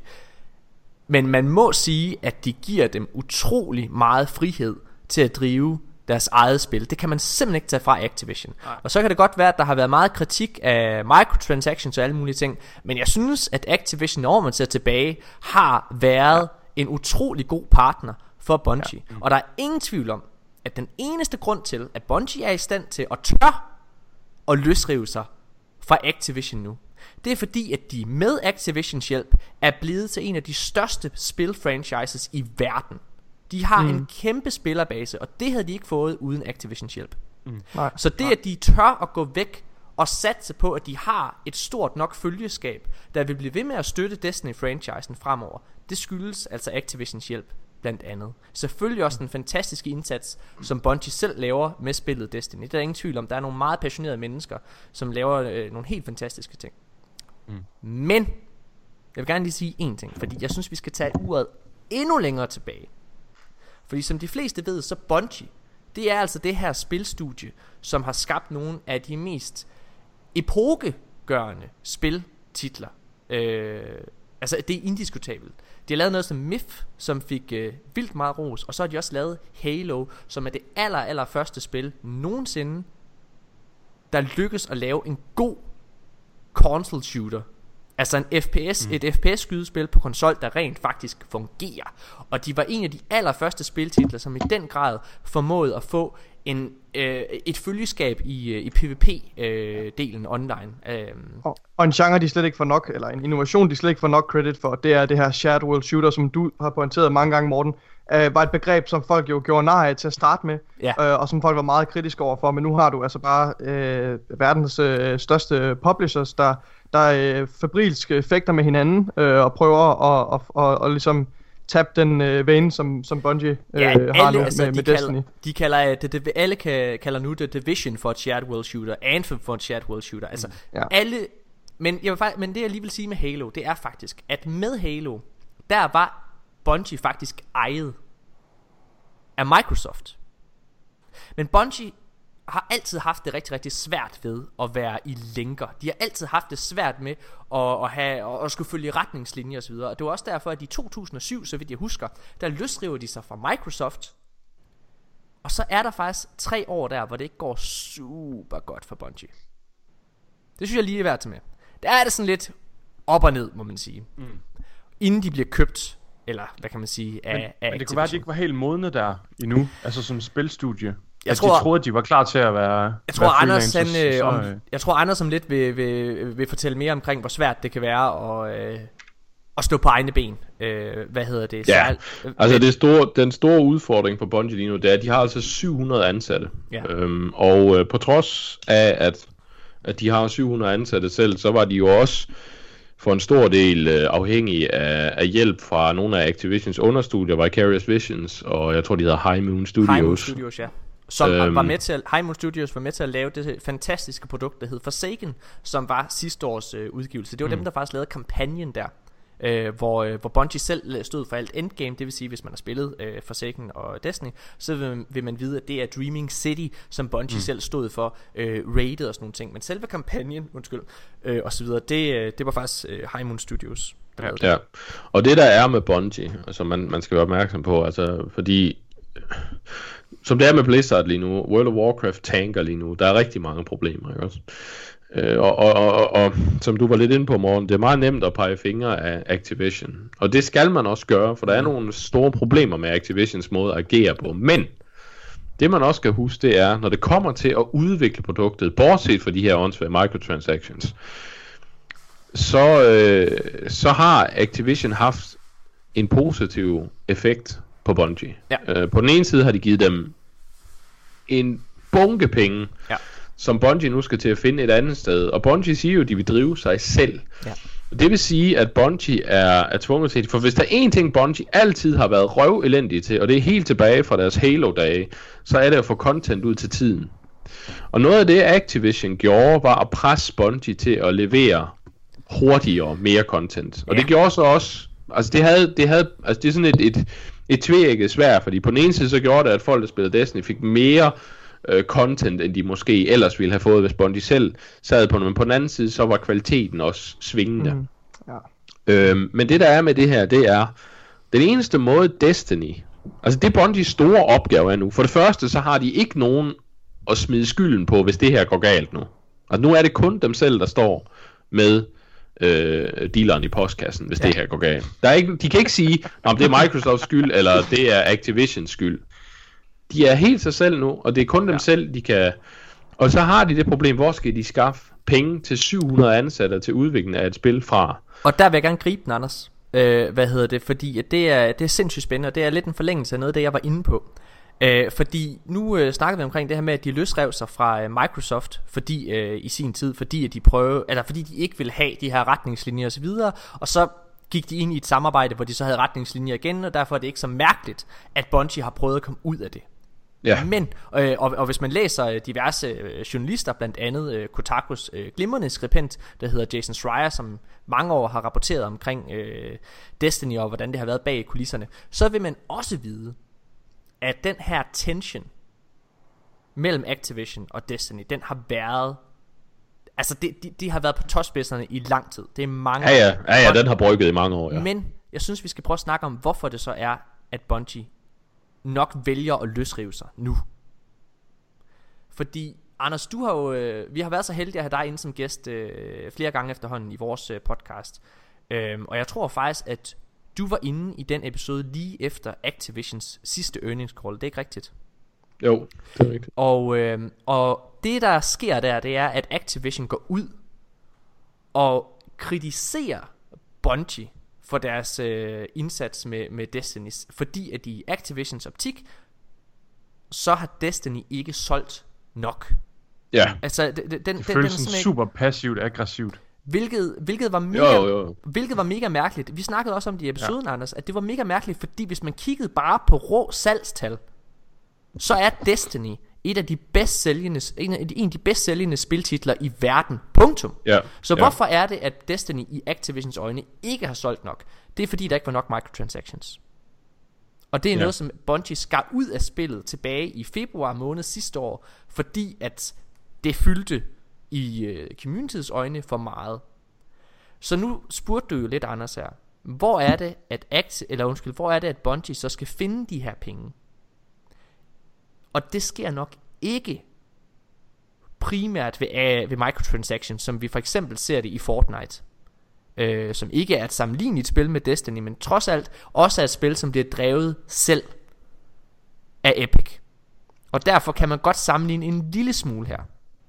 Altså det der er forskellen øh, på, på Fortnite og Destiny er selvfølgelig også, at Fortnite, øh, altså de er så forskellige spil, at du kan øh, monetisere Fortnite på en anden måde. Du kan køre mm. så meget microtransaction i Fortnite, fordi at Fortnite-spillet er så i anførselstegn simpelt, for det er det bestemt ikke. Der er rigtig meget kodning og sådan noget bagved, men folk går ind og spiller Fortnite for den oplevelse, de har i den halve time. I Destiny, der skal du have nyt content. Hele tiden. Det har du ikke brug for i Fortnite. Der er ikke brug for den samme rapide øh, udvikling, som der er i Destiny. Og jeg tror personligt, at pengene til Destiny, jeg tror sagtens, at Destiny kan tjene pengene ind uden microtransactions. Ja. Men der, hvor jeg har en lille frygt, det er, om Bungie kan holde sig selv i nakken, så de leverer deres content og DLC i en nogenlunde fornuftig tidsramme, Ja så de ikke mister spillerne, og dermed også hele indtægten. Du, altså Anders han er jo i, i min optik, så er Anders en af de klogeste, øh, hvad hedder det, øh, spiljournalister vi har i Danmark, øh, og jeg nyder altid at, at tale med ham. Øh, og, og det er nemlig rigtigt, du er inde på det her, altså Bungie de har Destiny, hvis man ikke spiller spillet, fordi at, det, der er sikkert mange, hvis man ikke spiller Destiny, der sidder og, og tænker, hvad snakker du om, Fortnite kommer sgu også med content hele tiden, og ja, det gør de, men den form for content, som Fortnite kommer med, altså det er peanuts i forhold til det, som communityet i Destiny forventer, for der er det nye PvP-baner hele tiden, det er øh, nye øh, locations, det er ny historie og alle mulige ting, altså det er World of Warcraft, vi sidder og snakker, det er den type mm. DLC-pakker, ja. eller ex- expansion-pakker, eller hvad fanden man skal kalde det, øh, som man forventer nærmest hver tredje måned. Mm. Og øh, en af, altså Bungie har faktisk øh, i hele Destiny 2's øh, levetid her haft svært ved at tilfredsstille communityet i forhold til content. Og det er på trods af, at Activision, altså nu sagde du øh, nemlig helt rigtigt, Bungie har faktisk 700 ansatte, som alle sammen arbejder på Destiny. Der er blevet hyret 300 mere fra Activisions side, som kom i form af de to spilstudier, der hed High Moon Studios og Vicarious Visions. Og Vicarious Visions hjalp med at komme med det fremragende produkt, der hed Warmind, der kom sidste år. Det var dem, der udgav det. Og derudover, så var High Moon Studios, som før nævnt, inde og hjælpe med at lave Forsaken. Og det er altså 300 mand, som nu ikke er der længere. Så de skal enten ud og hyre en masse nye mennesker, som er pissedyrt. 700 mennesker for et spilstudie er fucking meget i forvejen. Ja, det er det. Og Ja. som du er inde på, Anders, den måde, de bliver nødt til for at tilfredsstille deres community, det er for det første, så bliver de nødt til at komme med de her øh, expansions konstant. Altså, de bliver nødt til at holde det her ved live, og så bliver de nødt til at leve af indtægterne fra det enkelte spil. Der er helt sikkert... Øh, Eververse, som er deres øh, microtransactions i Destiny, kommer stadigvæk til at være der, men jeg tror, det kommer til at fylde lige så lidt, som det gør lige nu i spillet. Det håber jeg i hvert fald, for ellers så Ja. tror jeg, de kommer til at virkelig at alienate mange af, fra deres fanbase. Ja. Så de bliver nødt Jeg til tror, at de kommer til at lave et rework på, øh, på Eververse. Jeg, Ja. jeg tænker ikke, det kan gå en anden, anden vej end det. Nej, ja, Så, ja, øh, ja, ja, det ved jeg ikke. Jeg, Altså, Jeg tror ikke, det bliver jeg- pushet mere imod sådan noget pay to win eller noget, men jeg tror helt klart, de kommer til at integrere noget meget mere øh, sådan fashion ind ja. i Eververse, for ligesom at, at, kunne gøre for nogle af de penge der. Ja. Altså hvis jeg måtte komme med et forslag til Bungie, så ville det være at sige, folkens, nu laver I en optionel subscription model. Ja. Lidt ala det uh, Elder Scrolls Online har, hvor du siger, når jamen, hvis du hvis du signer op månedligt, øh, så får du nogle kosmetiske fordele hver Ja, måned. præcis. Du får nogle ting gratis, eller sådan et eller andet. Eller et eller andet, der gør det lidt nemmere. Altså, hvad ved jeg, at Ja, man har så XP boost, et større eller- inventory, for eksempel. Øhm, kunne det være. Øhm, og så, så sige, når man I betaler for spillet, og så hvis I vil have de her ekstra ting, jamen, så kan I betale en subscription model. Fordi, hvis du har den subscription model, så kan Destiny godt tillade sig at fjerne alt, hvad der hedder Eververse. Det kan de godt. Ja. Øh, Eller de kan i hvert fald fjerne det, der hedder loot boxes. De kan så vælge at sige, at du, du kan også gå ind i de her kosmetiske ting, som folk de får med i subscription, jamen den kan du også gå ind og betale, og så købe den ene ting, du vil have, og så få en indtægt den vej igennem. Men på en eller anden måde, have noget, der giver dem en konstant øh, cashflow, Ja. så de hele tiden har noget at udvikle med. Fordi hvis de skal bare sætte sig ned og vente på et, et stor indtægt i form af en ny DLC, når de kommer, det tror jeg simpelthen ikke Bungie er hurtig nok til. Nej, helt jeg tror, enig. ikke, jeg tror, det er for farligt at gå den vej. Helt enig. Og, øh, eller, men vil jeg næsten sige. Nu har vi dvælet meget ved nogle af de negative konsekvenser, der kan være med det her split. Fordi der er også en masse positive, som jeg ser det. Og jeg har faktisk nogle, øh, jeg har nogle citater, øh, som jeg lige har, har fundet her øh, til, til dagens udsendelse, som jeg vil læse højt. Øh, men til at starte med, så vil jeg gerne lige øh, dvæle en lille smule ved noget af det, jeg startede med at sige. Activision har faktisk hjulpet Bungie med at gøre Destiny til det helt kæmpe store spil, som det er i dag. Ja. Og det kommer Bungie til at li- øh, altså virkelig, virkelig nyde godt af. Fordi Bungie er faktisk blevet sindssygt gode til at promovere deres spil selv. De har en, øh, en livestream, som de øh, jævnligt benytter, og der er altid flere, altså 100, flere hundredtusind mennesker, der sidder og ser med, når de sidder og kommer. Altså der er, de er mega gode til hype. Og de er vildt gode til at lave trailers. Øhm, så jeg tror simpelthen, at nu har de det her kæmpe store øh, community. Og de har så mange content creators, som i den grad sidder og bakker op om den, og som kommer til at spread the word. Og så har de altså øh, et lille S i ærmet. Fordi jeg har, hvis man bare har lyttet en gang til de danske Guardians, så vil jeg næsten ved med, at de har hørt mig sige, at øh, Destiny 1 kommer ind i Destiny 2. øh, det, har, øh, det har været en, øh, en forudsigelse fra min side øh, i, i lang tid, øh, at det spil, der hed Destiny 1, alt det content, der var der, det blev ligesom gemt lidt væk, fordi de rebootede øh, de, øh, til Destiny 2. Og der har været mange hints til, at Destiny 1, hele Destiny 1 kommer ind i Destiny 2, så det bliver et stort spil. Og nu er der faktisk en journalist, der har siddet og snakket lidt omkring øh, kontrakten. Og jeg vil lige læse noget højt. Jeg kan simpelthen ikke lige huske, hvad han hedder. Jeg har bare gemt, øh, hvad kan man sige, teksten her. Okay. Og det, øh, det, de starter ud med ligesom at snakke omkring, eller han starter ud med at snakke omkring det her med, hvad hedder det, øh, den her 10-year, øh, kontra, eller 10-års kontrakt. Og nu må jeg beklage fra starten af mit dårlige engelsk.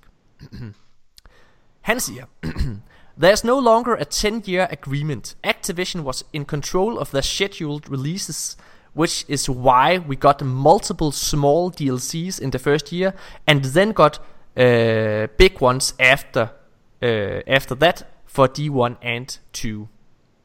It also means that Activision uh, uh, it also means that Activision is the reason that D2 ex- uh, existed at all instead of just continuing one game. Going forward, they can do what they want schedule wise. They can release small DLCs every week for a big DLC every three year if they want. Um, Destiny 2 might be rebranded uh, be rebranded into just Destiny. Destiny 1 content might be ported over. Destiny 3 will likely never exist, etc. The annual pass will likely be reworked as well to some extent, but I'm not sure if um, it, uh, eh, if that is allowed since we already purchased that. Okay, så bare lige for at, sådan at, øh, at opsummere her. Det han rent faktisk siger, det er, at det spil, der hedder Destiny 3, som i lang tid har været rygtet under udvikling, næsten selv bekræftet af Bungie, det nok aldrig kommer til at ske, fordi i stedet for at have et helt nyt spil, så fuser de Destiny 1 og Destiny 2 sammen og fortsætter ud fra en stor øh, pakke, lidt ligesom de mm, gør i ja. World of Warcraft, Elder Scrolls Online osv. Og hvis de gør det, så tror jeg, Anders, at de kan gøre det, du snakker om. Nemlig have en månedlig subscription model. For hold nu kæft et spil du så har. Ja, ja, enig. Ja. Jeg ved, Joachim, han har nogle meninger omkring det her. Ja. Ja. Det er det, vi snakker lidt om.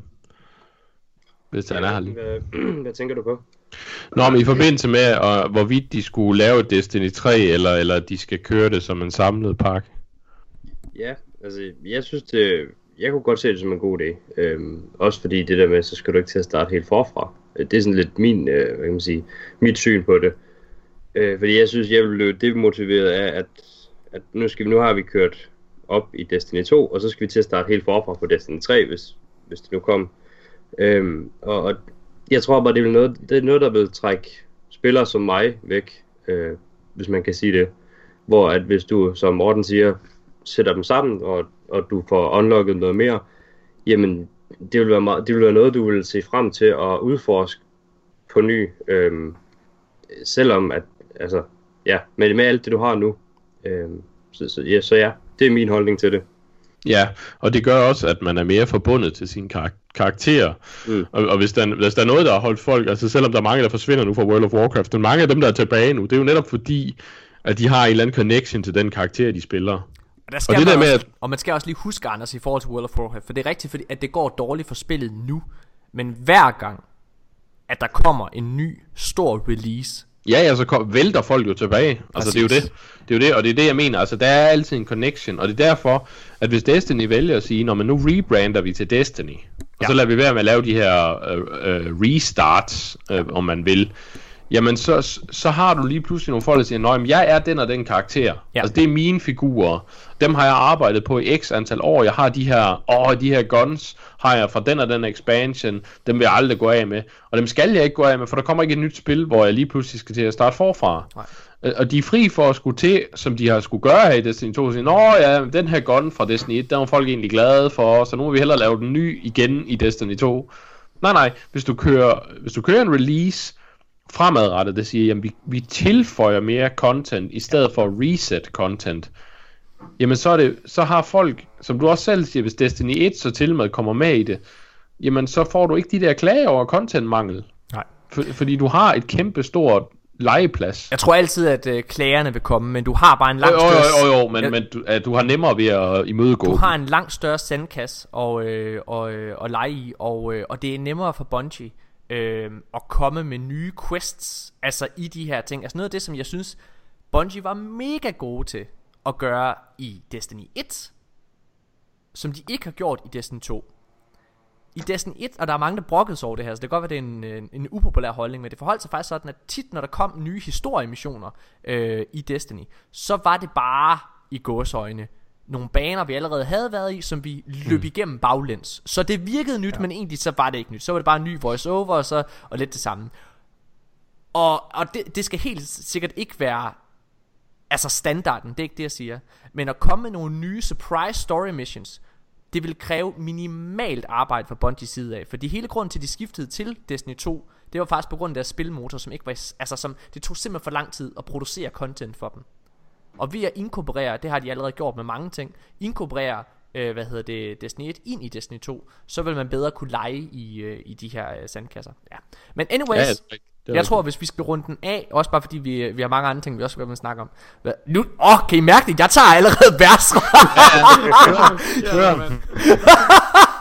Nå, hvad hedder det? Jeg, øh, Jeg, jeg kunne egentlig godt tænke mig at høre Nikolajs uh, holdning ja. til, til hvor- hvordan tror du fremtiden ser ud for, for Bungie og Destiny? Sådan generelt set, nu hvor de er alene.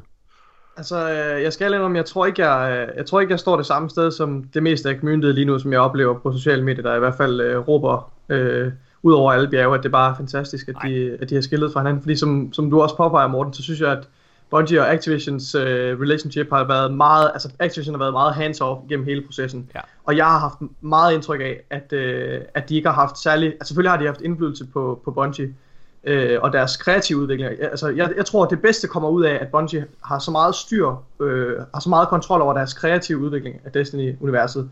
Det tror jeg er, er, er et rigtig godt succeskriterie. Og der, der tror jeg ikke, at Activision har haft så stor, øh, så stor en, en, en påvirkning på, på Bungie.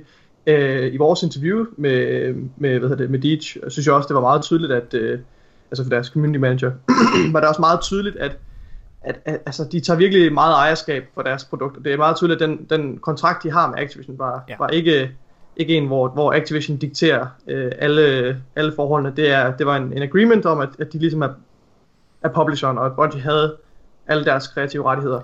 Øh, så, så, hvis, så hvis du kigger på det sådan rent objektivt, så synes jeg, at det der er sket, det er, at Bungie har jo ligesom fået fjernet deres finansielle ryggrad, eller deres finansielle grundlag. Og det, det tror jeg, der kan være ret problematisk. På den anden side, så er jeg også optimistisk. Altså, jeg, jeg tror, at, øh, at det er, jeg tror ikke, at Bungie havde gjort det her, hvis de ikke var sikre på, at det var det rigtige valg. Øhm, så, Hvis- så altså, jeg, igen, så er jeg også optimistisk. Jeg, jeg stoler på, at de har styr på deres øh, produkt, og jeg vil bare gerne have det der, jeg vil gerne have, at Destiny fortsætter med at være en, øh, en, øh, en stor franchise. Jeg vil gerne have, at, øh, at universet får mulighed for at, at blomstre og give glæde til endnu flere mennesker. Hvis så, jeg skal komme med en, med en meget, meget positiv øh, ting til det her faktisk, som, som slår mig lige nu. Øh, der er rigtig, rigtig mange, øh, der har været nervøse for, hvor Destiny ville være om to år. Altså den, den frygt har faktisk hele tiden været der i, øh, i spillet, kan man sige. Øh, bliver Bungie ved Destiny. Det første, også vi selv snakkede om, øh, vi, øh, det dengang, at Vicarious, øh, Vicarious Visions og High Moon Studios blev øh, mm. Annonceret, det var, øh, kommer vi til at stå i en situation, hvor Bungie en dag efterlader Destiny, og lader nogle andre køre det videre, lidt ligesom at øh, Halo er jo blevet overtaget af nogle andre også, af, af Free for Free, som, øh, som kører det, øh, som kører det. Ja. videre med, med, med ja. Øh, ja, øh, succes til en vis grad. Øhm, Mm. min pointe er bare, at det her øh, tiltag fra Bungies side af, med at de løsriver sig fra Activision, det vidner i hvert fald om, at Bungie ikke forlader Destiny. Altså, Ja. de, de har Ja. gjort Men det det her, har fordi... de har også været ude at sige, altså det har de ingen plan om. Nej, og, det, og de sagde det faktisk også til os, øh, da vi interviewede dem her for et halvt år siden. Øh, ja. Altså, at, øh, fordi vi spurgte dem direkte, kunne I nogensinde finde på det her? Og, og, og de lignede store spørgsmålstegn, altså sådan som om, nej, vi kunne aldrig nogensinde finde på det.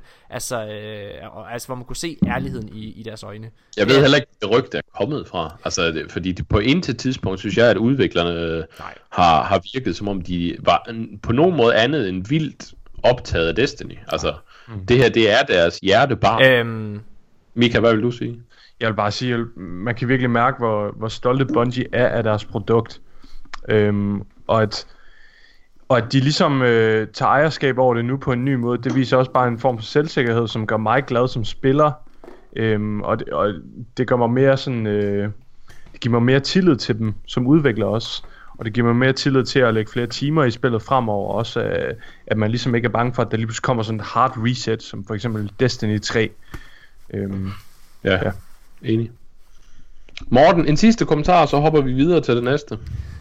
øh, ja, hvad hedder Har du, det? vil du ikke tage noget tøj på, Morten? Ja, ja, ja, ja, ja. En sidste kommentar. Jeg hørte slet ikke, hvad det var, du sagde. Undskyld, hvad var det? Hvad Nej, var det er fint. Det er fint, vi går en bare sidste, videre. En sidste kommentar. Okay, Det, så, lå, jeg, ja, det er fordi, jeg kan ikke se Morten, så jeg, jeg troede, han var ved at... Det, det skal du være glad for, for han står i sine underbukser. og- Ej, nu står han, og nu tager han sin... Nej, Morten, få den fugl ud af røven! Um, altså, jeg, jeg, jeg, altså, jeg tror i hvert fald helt sikkert, at vi alle sammen øh, kan, være, kan være glade om, og forventningsfulde i forhold til det her øh, nye tiltag fra Bungies side. Jeg, jeg tror, at vi skal være glade og forventningsfulde på nuværende tidspunkt. Også fordi, at man kan ikke komme udenom, at Destiny er blevet en platform. Altså, det er blevet, det er, det er, det er blevet et hjem for rigtig, rigtig mange gamere øh, i mange aldre, og, og vi tre er, er glimrende eksempler på det. Joachim, din... Hvad, er du optimistisk for fremtiden omkring Destiny nu, eller hvordan ser det ud for dig?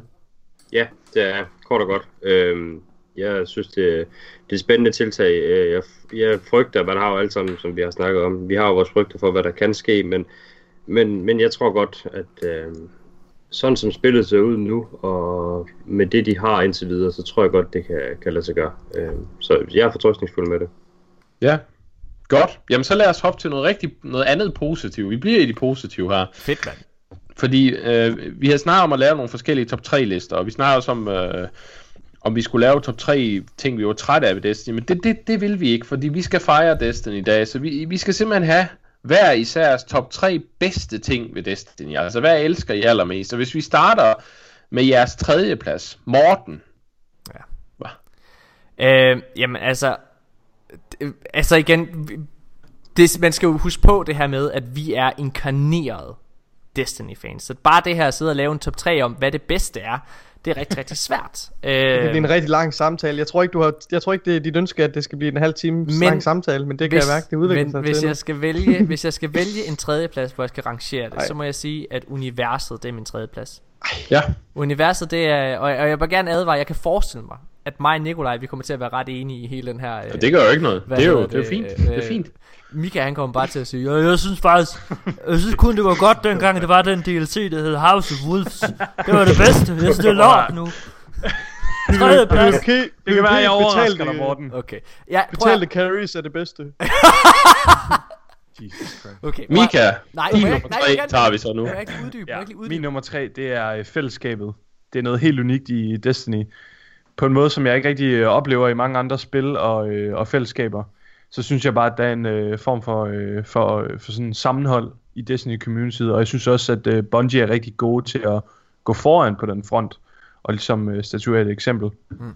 Øhm, Ja, ja. det er faktisk Så. også min nummer tre. Så Må jeg, må, jeg lige hurtigt, må jeg lige hurtigt sige noget til det her med universet? Fordi hvis der ikke er andre, der har det på deres liste, så synes jeg simpelthen, det lige fortjener bare lidt. Uh, for- det har jeg bare. Det har jeg. Jeg Jeg har- har den også. Åh, okay, Jeg giver fedt, den mand. passioneret Spoiler tale. alert.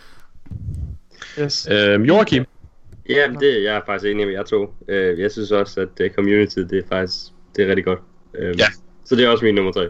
og jeg tror, især community, det er noget, man opdager, hvis man spiller andre online-spil. Altså, der er nat og dag fra, fra sådan noget som øh, Dota eller, Ja, eller Overwatch, og så er det det.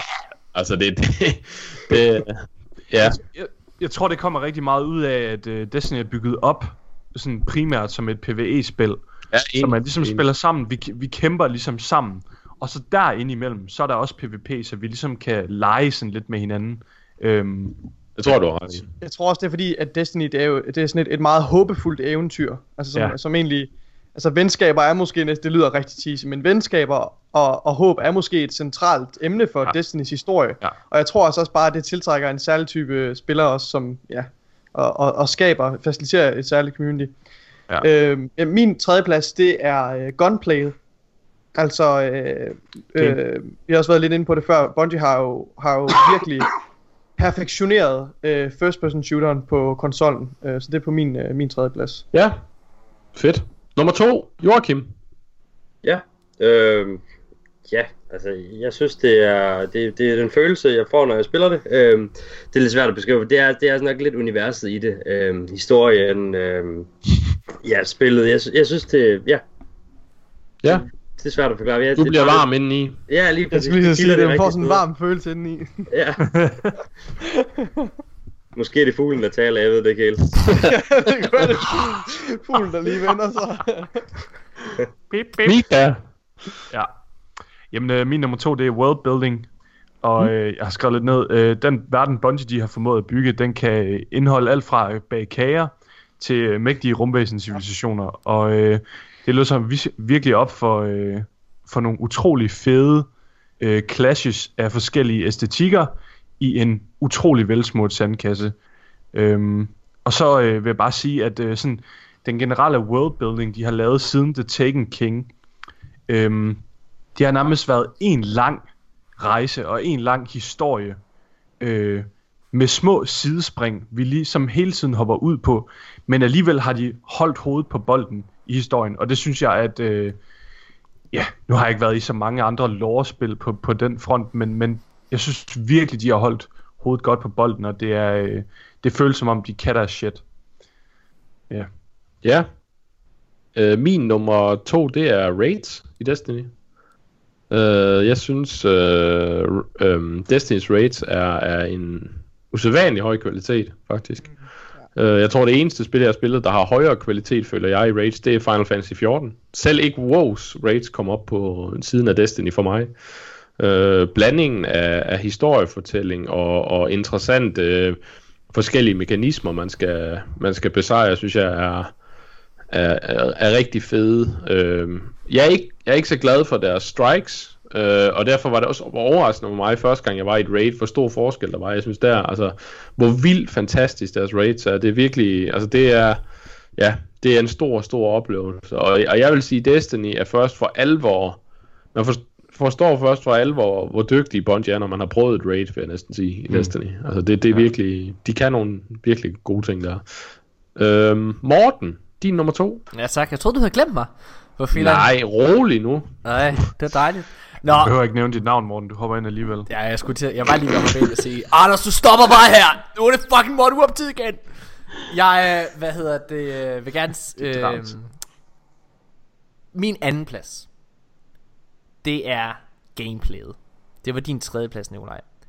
Mm. Øhm, gameplayet for mig er, altså prøv at høre, det, det, det, det er sovsen på kartoflerne. Det er syltetøjet på, det er repgelén på dit kød. Det er, øh, det er krumlet på din soft ice. Det er, altså det er det, som virkelig, virkelig gør det godt. Det er kirsebærsaucen på din risalemang, jeg kan blive ved. Glidecremen i, i dit samleje. Altså det er virkelig det, der får dig til at køre. Fuglen i røven.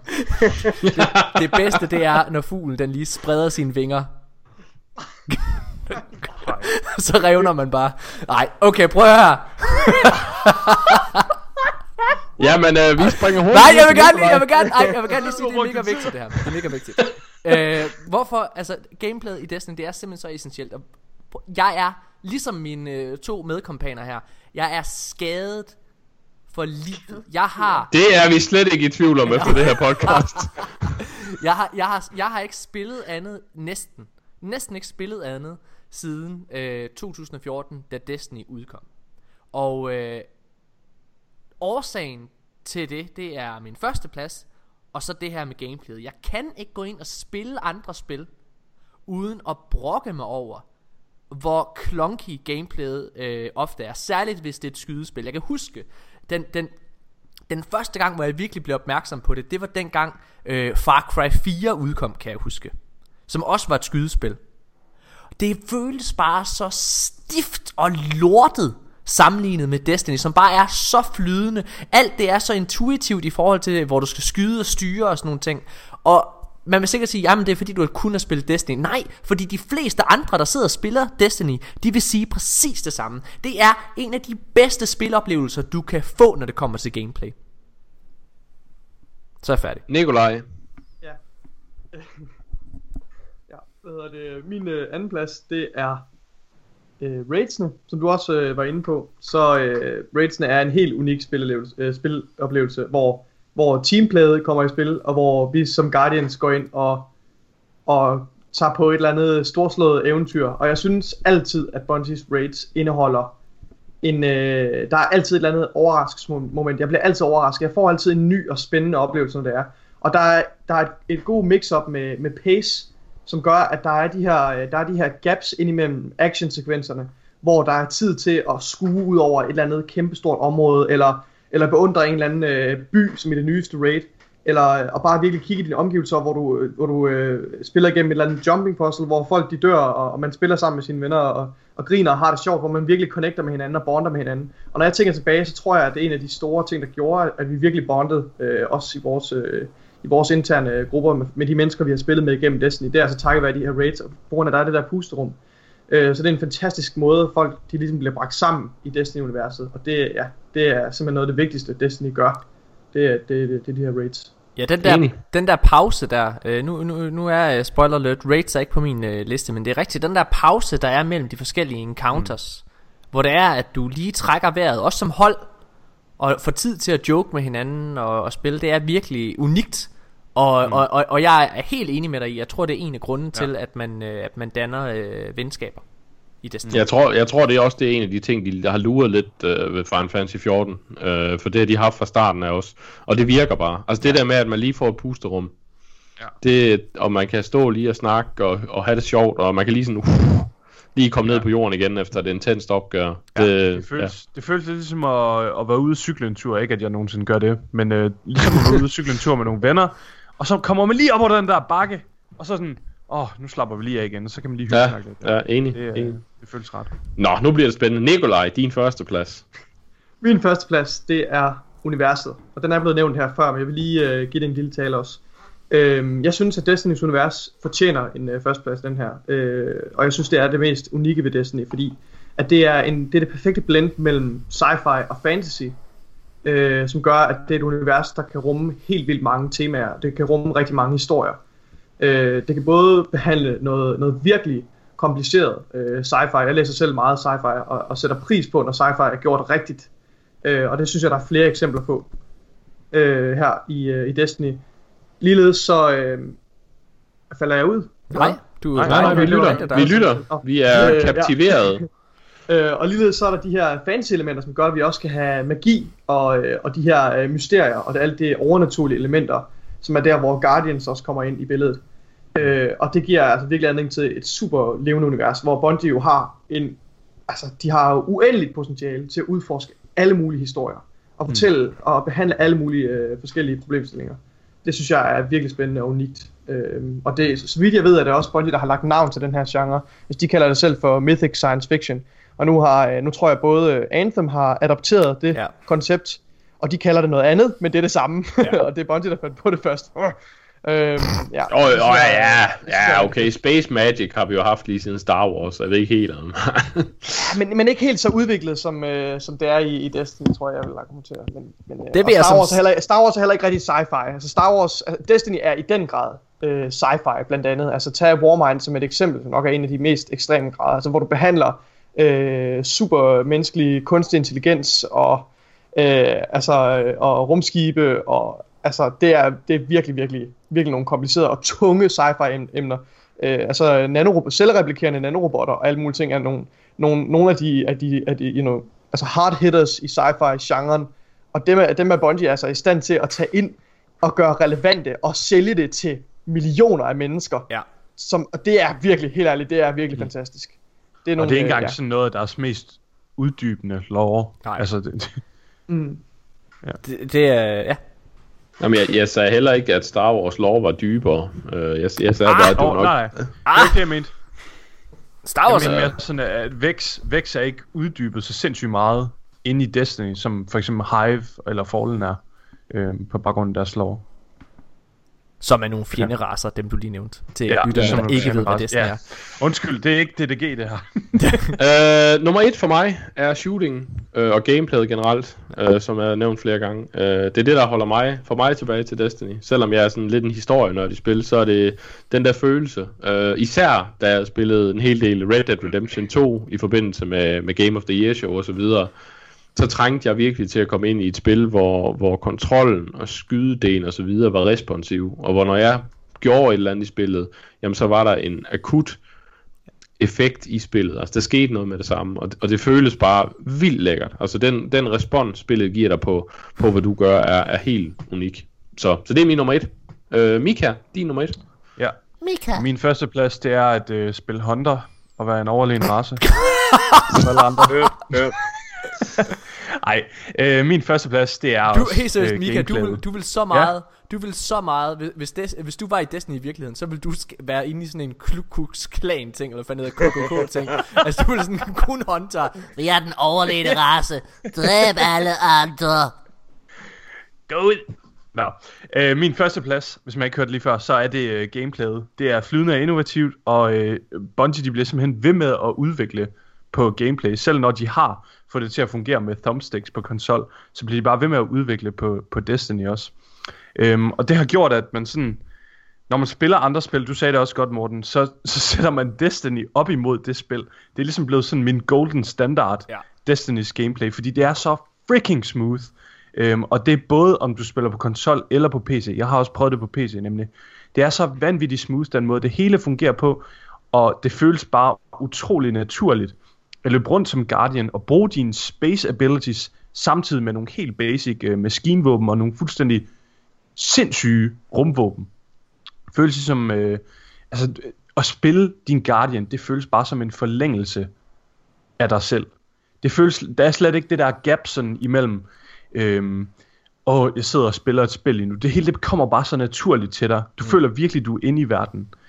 Øhm, og så hele sammensætningen af loadouts og abilities, øhm, det giver bare en fantastisk velpoleret maskine, og, øh, og det gør bare, at man kan have sjov i den sandkasse, som Destiny er, i timevis, uden at føle sig udmattet, eller føle, åh, oh, der er ikke noget nyt at prøve. Fordi der er altid noget nyt at prøve. Der er altid en ny skovl at tage fat i, og prøve at grave et nyt hul med den. Ja. Så, gameplayet. Joachim. Det er også gameplayet for mit vedkommende. Det er som sagt før, og, og gerne igen, det er noget, man vender tilbage til. Altså, man kan spille nok så mange andre spil, men Destiny ligger bare fast. Det er, man, man savner at komme tilbage til det, man, øh, når man sidder og tænker, hvad mangler jeg? Destiny, det er det, du mangler. Det er det, du skal spille. Det er det, du, det, er det der er. Altså, det kan ikke siges nok. Øh, det, er, det er også min nummer et. Det er gameplayet, helt sikkert. Ja, og det der er, er interessant, det er jo, Joachim og mig er jo anmelder. Altså, vi spiller oceaner af spil, Ja. men alligevel... Så er det Så- farligt så- at prøve Destiny. Så, så det der, jamen det der med gameplayet i Destiny, de bliver ved med at trække sig tilbage. Altså, mm. der kom også, øh, det er kom I til at tænke på det her, i forbindelse med Red Dead Redemption kom der fra EA faktisk. Øh, det var ikke, det var ikke en, en, en fra Activision eller Bungie, det var en EA developer, der lavede en sammenligning mellem nogle af de største spil og responstiden. Altså fra du gør et eller andet på konsollen, eller, eller på musen, eller på tastaturet, og så der rent faktisk sker noget. Og den, der havde langt den laveste responstid, det var Destiny. Med afstand. Det vil sige, det er altså det spil, der har med afstand den hurtigste responstid. Og det kan mærkes. Altså, det er noget helt unikt. Det behøver du slet ikke lave en test på, det ved man bare. Nej, nej, men der vil jo altid være nogen, der siger, ja, det er bare noget, I Ja, ja. siger. Men altså, nu har man altså ligesom fakta på det. Morten, førstepladsen. Ja, altså jeg, øh, jeg sidder lige nu og har en lidt ufrivillig pause fra Destiny. Øhm, fordi jeg sidder og skriver manuskript. Og, øh, og, og derfor simpelthen ikke har tid øh, til at spille. Så jeg har ikke spillet i, i tre uger nu. Og det er faktisk det, der har hjulpet mig med at lave den her liste. For jeg kan virkelig, virkelig mærke, hvad det er, der hiver i mig. Og jeg har altså de vildeste Destiny cravings. Altså jeg er Destiny junkie. Jeg, jeg, jeg sidder og, og hungrer efter øh, mit fix og, og drømmer mig ind i verdenen.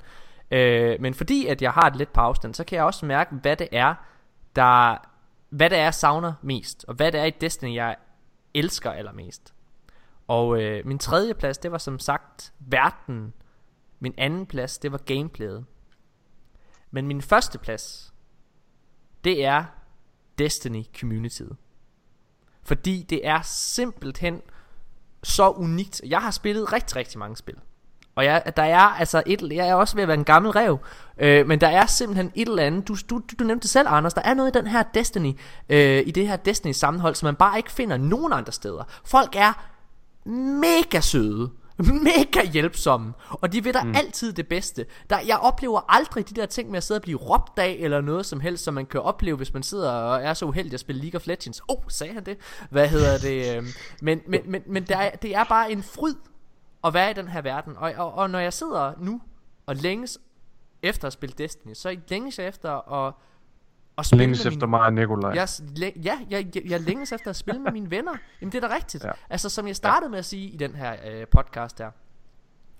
Så Nikolaj og Mika, vi kendte ikke hinanden før, Nej. at øh, vi startede med at spille Destiny. Og de er blevet nogle af mine aller, aller bedste venner i virkeligheden. Og vi har mødtes flere gange, øh, hvad hedder det, sådan i, i real life. Øh, nu bor vi heldigvis også nærmest alle sammen, nu gør vi, øh, alle sammen i, i Aarhus-området. Øh, så det er blevet nemmere for os også. Men der sker noget, når du sidder og spiller Destiny. Fordi når du sidder og spiller Destiny, så du kan ikke gå ind bare lige at tage 20 minutter. Det kan du ikke. Så så det, du ender altid med at sidde og spille Destiny i 5 timer eller sådan noget. Ja. Selvom du har sagt til dig selv, jeg skal bare lige ind og spille halvanden time, og så skal jeg sove, så sidder man og ødelægger hele sin nattesøvn. Tro mig, jeg, jeg, man kan ikke se det her, men jeg Og sidder og drikker. time, prøv at høre, hvor lang tid det allerede er. Præcis. Bare lige halvanden time, og det bliver, det bliver bare til fem timer. Det bliver bare til 5 timer, og du sidder bare der, og så hygger du dig mega meget med de her mennesker, og lærer dem at kende, ja.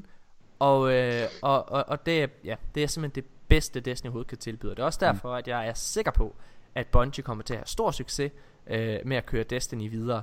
De skal bare lige lande på benene, tror jeg. Ja, Må jeg lige bidrage med en øh, ting hurtigt til fællesskabet? Jeg glemte at sige til mig, eller til min ting, men nu kan man lige snakke om det.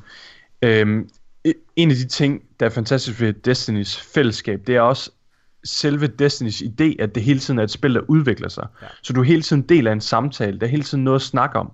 Det er ikke bare øh, den samme meta, du spiller om og om igen, eller det samme content om og om igen. Det kan godt være i, et content round, ikke også? Men der er hele tiden en del af en samtale, og specielt med Destiny 2, der har der nærmest lige siden get-go altså launch date, der har der ikke været en uge, hvor der ikke har været noget nyt at snakke om. Helt seriøst, vi har en ugentlig Destiny podcast, ikke?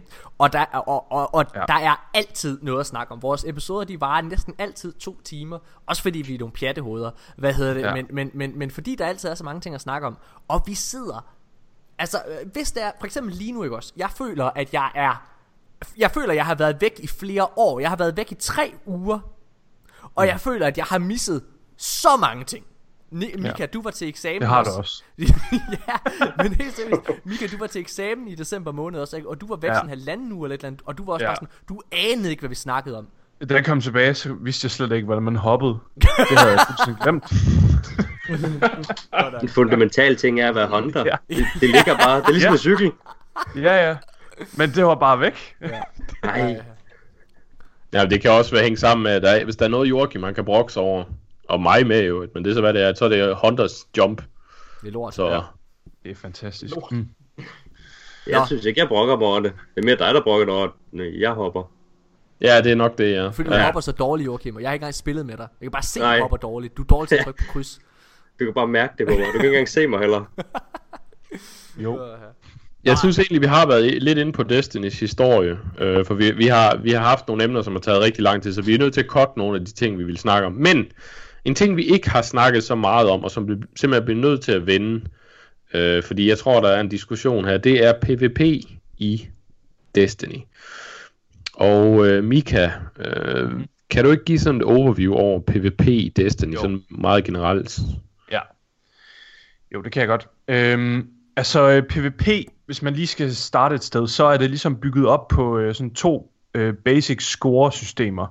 Øh, du har Valor, som er øh, en rank, der ligesom stiger i alt PvP. Og øh, den rank, i takt med at den stiger, så får du noget loot. Så er der en anden rank, der hedder Glory, og den rank, den er kun til stede i den playlist, som er competitive. Og det fungerer meget basic med, at når du vinder, så får du nogle point, og når du taber, så mister du nogle point. Øhm, og så derudover, ved at Destiny ligesom har de her to basic systemer, så har det en masse forskellige game modes, øhm, og dem tænker jeg måske, vi lige kan diskutere senere, hvis det bliver nødvendigt. Ja. Men øhm, hvis, jeg, hvis jeg lige må fortælle, så det der gør Destinys PvP helt unik frem for mange andre spil, det er at spillet det er bygget op på den måde, at øh, de våben du ligesom optjener i PvE, dem kan du også bruge i PvP. Det vil altså sige, at en, øh, en ny spiller har måske ikke et stort arsenal at gå ind i PvP med, men øh, har ligesom mulighed for at grind PvE. Man kan også få nogle våben i PvP, for at få nogle våben, man ligesom så bruger. Og det giver ligesom sådan en, en ret sjov gimmick, at når du har spillet et raid i Destiny, så en af de første ting, der kommer til dit hoved, når du har fået et nyt våben, det er, hmm, jeg vide, hvor hurtigt det her det er til at nakke andre Guardians med, øh, frem for hvordan du kan bruge den i PvE Jeg tror faktisk. aldrig, jeg har tænkt den tanke. Efter Har du ikke det? Jeg tror, jeg... Jeg, Jo, du har. Hver gang man får et nyt våben, så tænker man, hvordan kan den her bruges i PvP? Jeg spørger altid, Mika, er det her godt? Og så hvis den siger, ja. Men, så, så, men det er også det, jeg mener. Så, så, så, så, så tænker du også sådan uh, subconsciously, hvordan kan jeg bruge den der i PvP? Eller så siger du Ja. ikke til dig, Morten. Ja, ikke til dig. Jeg ved i hvert fald bare, hvis det er en hand cannon, så kan du ikke bruge den. Last word kan jeg bruge, og den kommer tilbage lige om lidt, Ja. motherfuckers. Nå, Du kan ikke finde last fuck. Altså PvP er lidt interessant, fordi jeg ved i hvert fald, jeg har nogle problemer med Destiny's PvP. Mm. Øhm, Ja.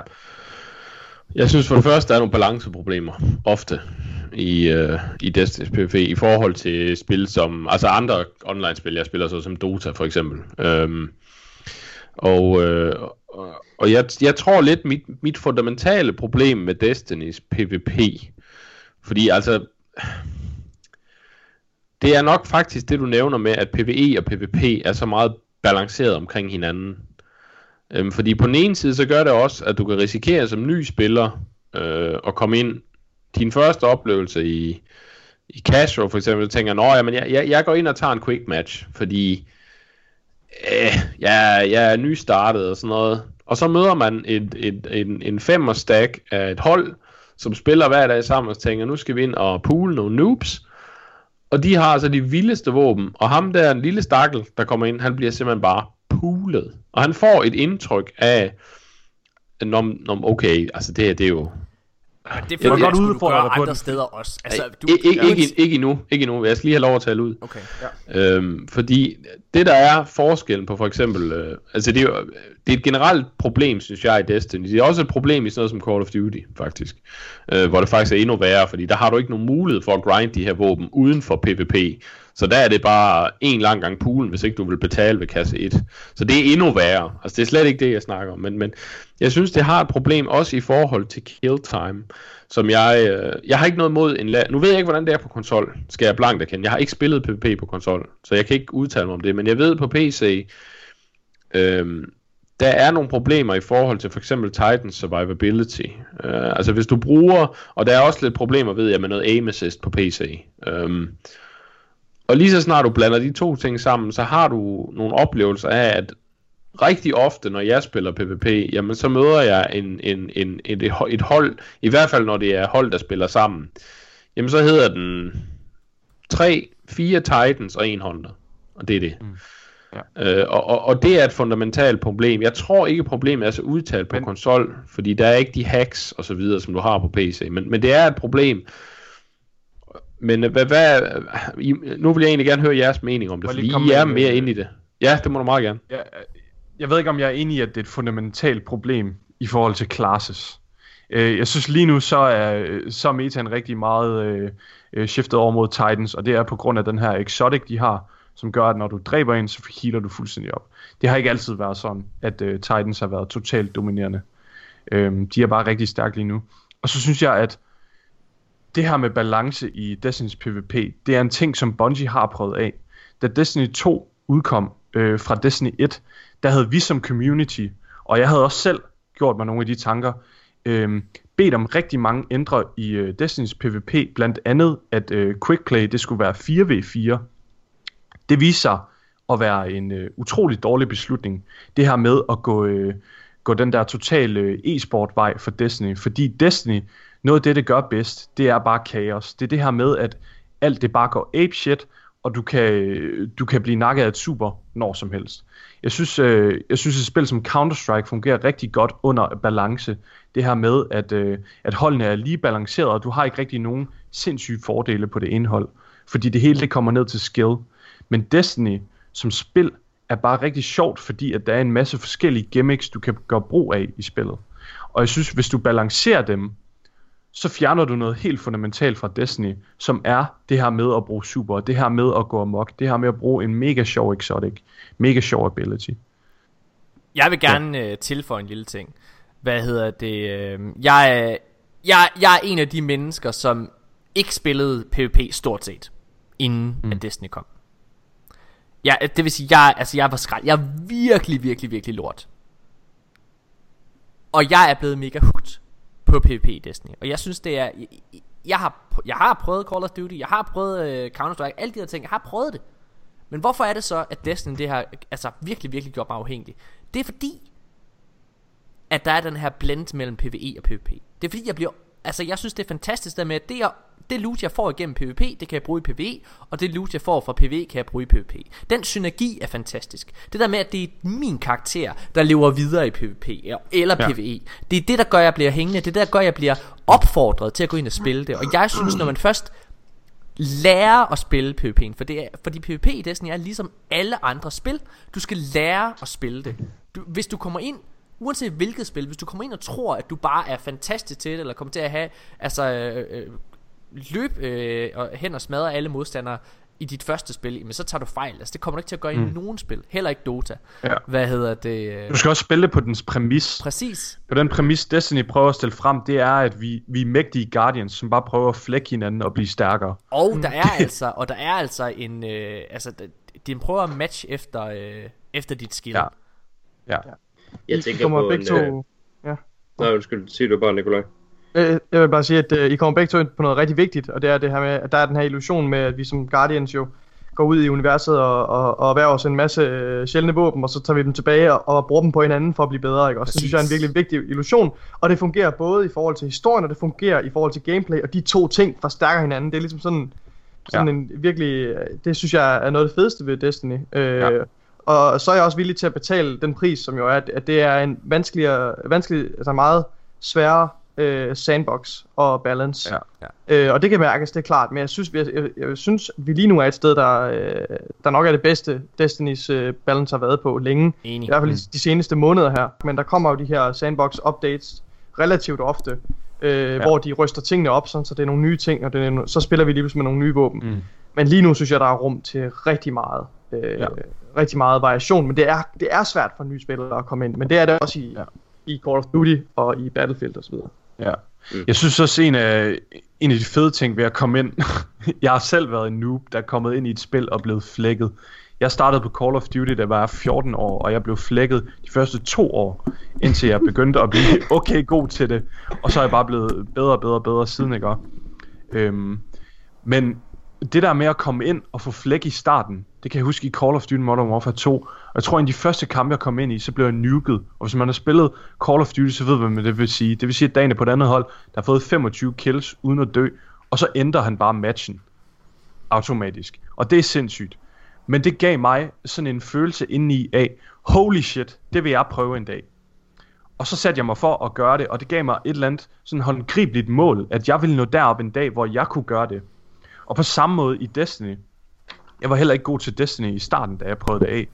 Øhm, men der kan jeg huske, at jeg kom ind, og der var en, en, en, en sådan uhåndgribelig sandbox i starten. Men det der med, når man lærer at forstå sandboxen og bruge det der kaos til ens egne øh, fordele, ikke? så får man lige pludselig et meget stærkt, stærkt redskab også.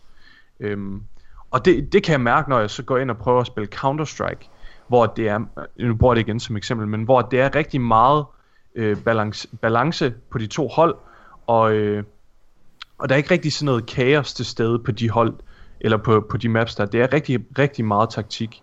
Øhm, det har jeg svært ved at sætte mig ind i, det her med, at det skal være sådan totalt strategisk. Øhm, så, så, så det er en, det er en anden præmis, Destiny's PvP bliver spillet på. Det er meget mere det her kaotiske, og det er det, der er sjovere. Det, det synes jeg i hvert fald selv, vi har erfaret som community. Jeg kan meget bedre lide øh, PvP-delen af Destiny 2 øh, nu, hvor den er meget mere kaotisk, end den var ved launch. Fordi der var den rigtig meget, øh, der var den faktisk virkelig balanceret. Bungie, de har slet ikke fået nok kredit for, hvor godt balanceret sandboxen den var, øh, lige da Destiny 2 kom ud. Fordi der var ikke rigtig nogen spikes på nogen classes. Joachim, hvad vil du sige? Jamen, det, jeg sidder og, og er enig med dig, Mika, øh, i, i det du siger med, at øhm, det der med, når man, når man simpelthen bare bliver, bliver nuket af et hold. Nu sidder jeg og tænker på den kamp, vi spillede her for et par dage siden, Anders. Øhm, Mm. det skal siges, vi spiller ikke meget PvP, men det sker en gang imellem. Og, øh, ja. og vi mødte et hold med fem øh, i samme klan, og øh, vi, vi tabte, naturligvis. Men, men altså, jeg vil sige, den måde, vi tabte, det var ikke fordi, det var stort. Det var rigtig nok, vi, vi døde mange gange, og, og, og de vandt selvfølgelig på den måde. Men jeg sidder hele tiden og har den kamp i baghovedet, og sidder og tænker, jeg har lyst til at gå ind igen, for jeg føler, jeg er bedre den her gang. Præcis. Jeg føler mig forbedret. Øhm, mm. og, og, jeg sidder sådan hele tiden her i løbet af ugen, har jeg siddet og tænkt, jeg skal ind og, og, og spille igen for Ja. at, at blive bedre for at, at kunne, ja, kunne vinde over det her hold. Øh, og det, det, det er det på en eller anden måde Destiny kan med deres PvP, mm. føler jeg. Øhm, Ja.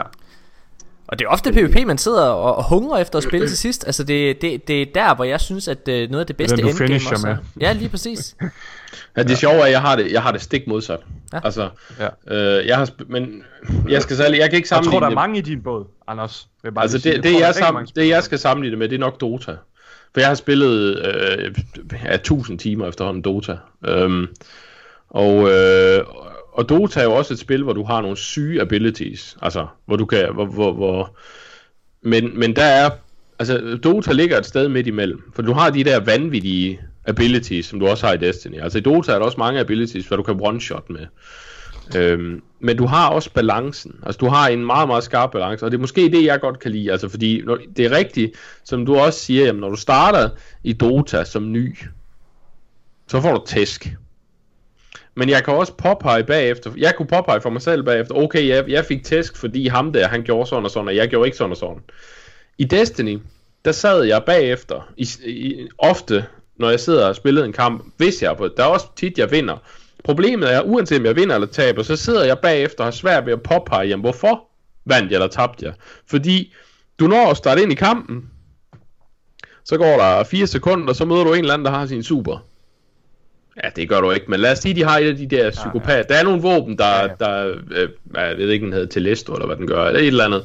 Ja. Der sker nogle ting, hvor du, hvor du bliver nuket, så kommer du tilbage, den person er blevet stærkere, fordi han har, han kører stadigvæk, nu har han en super, så dør du også den. Og jeg når ikke at have nok tid i spillet til at finde ud af, jamen, hvad, hvad skete der? Altså, jeg kan se, hvad jeg blev slået ihjel af. Og jeg kan også se, hvordan jeg blev slået ihjel. Men, men jeg kan ikke fortælle mig selv, hvordan jeg bliver bedre, andet end ved at gå ud i PvP og grind nogle bedre våben. Og, og det er for mig personligt, er det bare ikke en tilfredsstillende tilgang. Jeg siger ikke, det er dårligt. Det siger jeg ikke. Nej. Jeg, men jeg tror, at Destiny er en meget...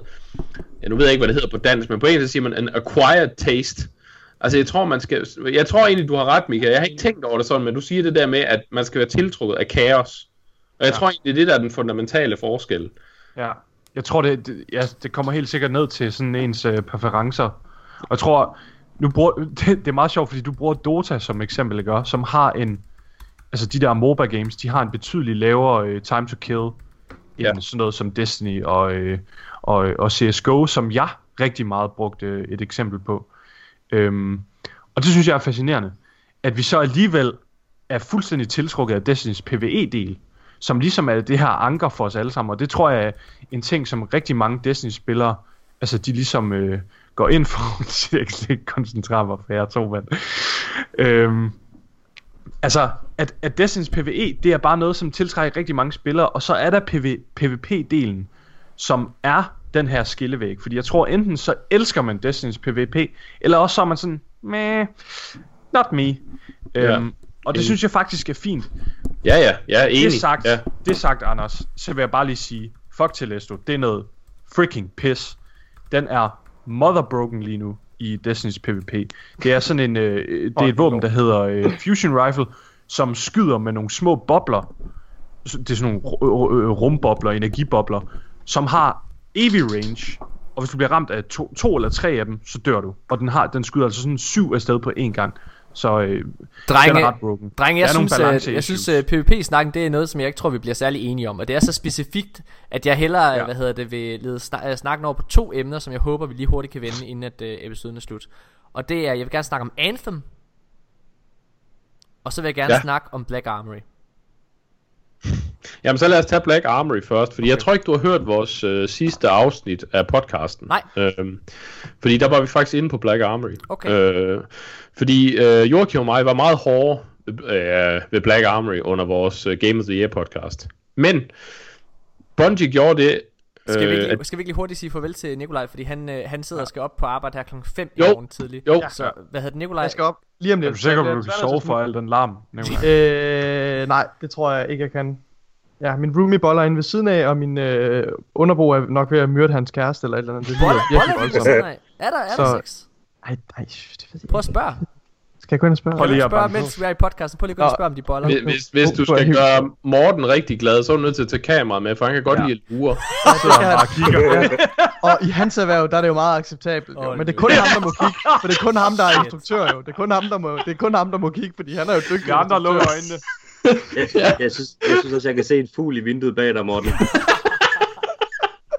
Husker du at fodre den? Okay, Hvad er det for en drenge. hånd egentlig i vinduet? Nikolaj, øh, have det mega, mega awesome, mand. Vi ses. Ja, kan du have det, Nikolaj? Tak for den her gang. Nikolaj. Ja, tak for i aften. Okay, Anders, hvad siger du omkring Black Armory? Øh, ja, vi var meget hårde ved Black Armory øh, i Game of the Year, og, og jeg holder egentlig på, at jeg synes ikke, at den måde, det blev releaset på, var, var helt okay. Øh, men, som vi sagde i sidste afsnit, det Bungie gjorde som respons, fixede i hvert fald mine problemer med Black Armory. Og hvad var det? Og det var, at de oppede øh, øh, drop raten og item-kvaliteten af øh, prime, prime engrams. Det vil sige, at vejen til at komme til de nye quests var lige pludselig ikke øh, øh, så lang. Og det vil sige, at, at, at jamen, du havde en grund til, selvom du ikke kunne tilgå meget af det nye, øh, altså du kun kunne tilgå den første del, eller ja, den første, de første par dele af questen, jamen så føltes det stadigvæk som om, jamen hver gang jeg går ind i Destiny, så får jeg en progress hen imod det sidste. Præcis. Som, og, og, det, og det fikset faktisk alle mine problemer med det. Så, Ja, Mm. jeg hævede synes... softcappet for Destiny betydeligt. Altså problemet var jo, at rigtig mange spillere følte sig lukket ude og fanget i sidste expansion, fordi de ikke var kommet igennem den endnu, levelmæssigt. Ja. Prøv at så de har ligesom sådan øh, kunstigt gjort den der grind, og så fået alle op på current level. Altså, jeg, jeg synes, at den største problem, som I gjorde, og som I lavede, øh, og ligesom mange andre spilmedier, det var, at når de snakkede om Black Armory, og anmeldte Black Armory, IGN, jeg kigger på jer, altså IGN, de, lavede det, de gjorde det, at de anmeldte Black Armory fem dage efter, at det blev udgivet. Ja. Og Black Armory er en, er en udgivelse, hvor det er, at alt content er blevet strukket ud over to måneder. Altså alt det indhold, som Black Armory DLC'en har, det kommer i løbet af to måneder. Altså er IGN ikke i stand til at anmelde indholdet efter blot fem dage. Det var simpelthen, øh, det, det, det var horribelt. Jo, det var en Over joke. al kritik.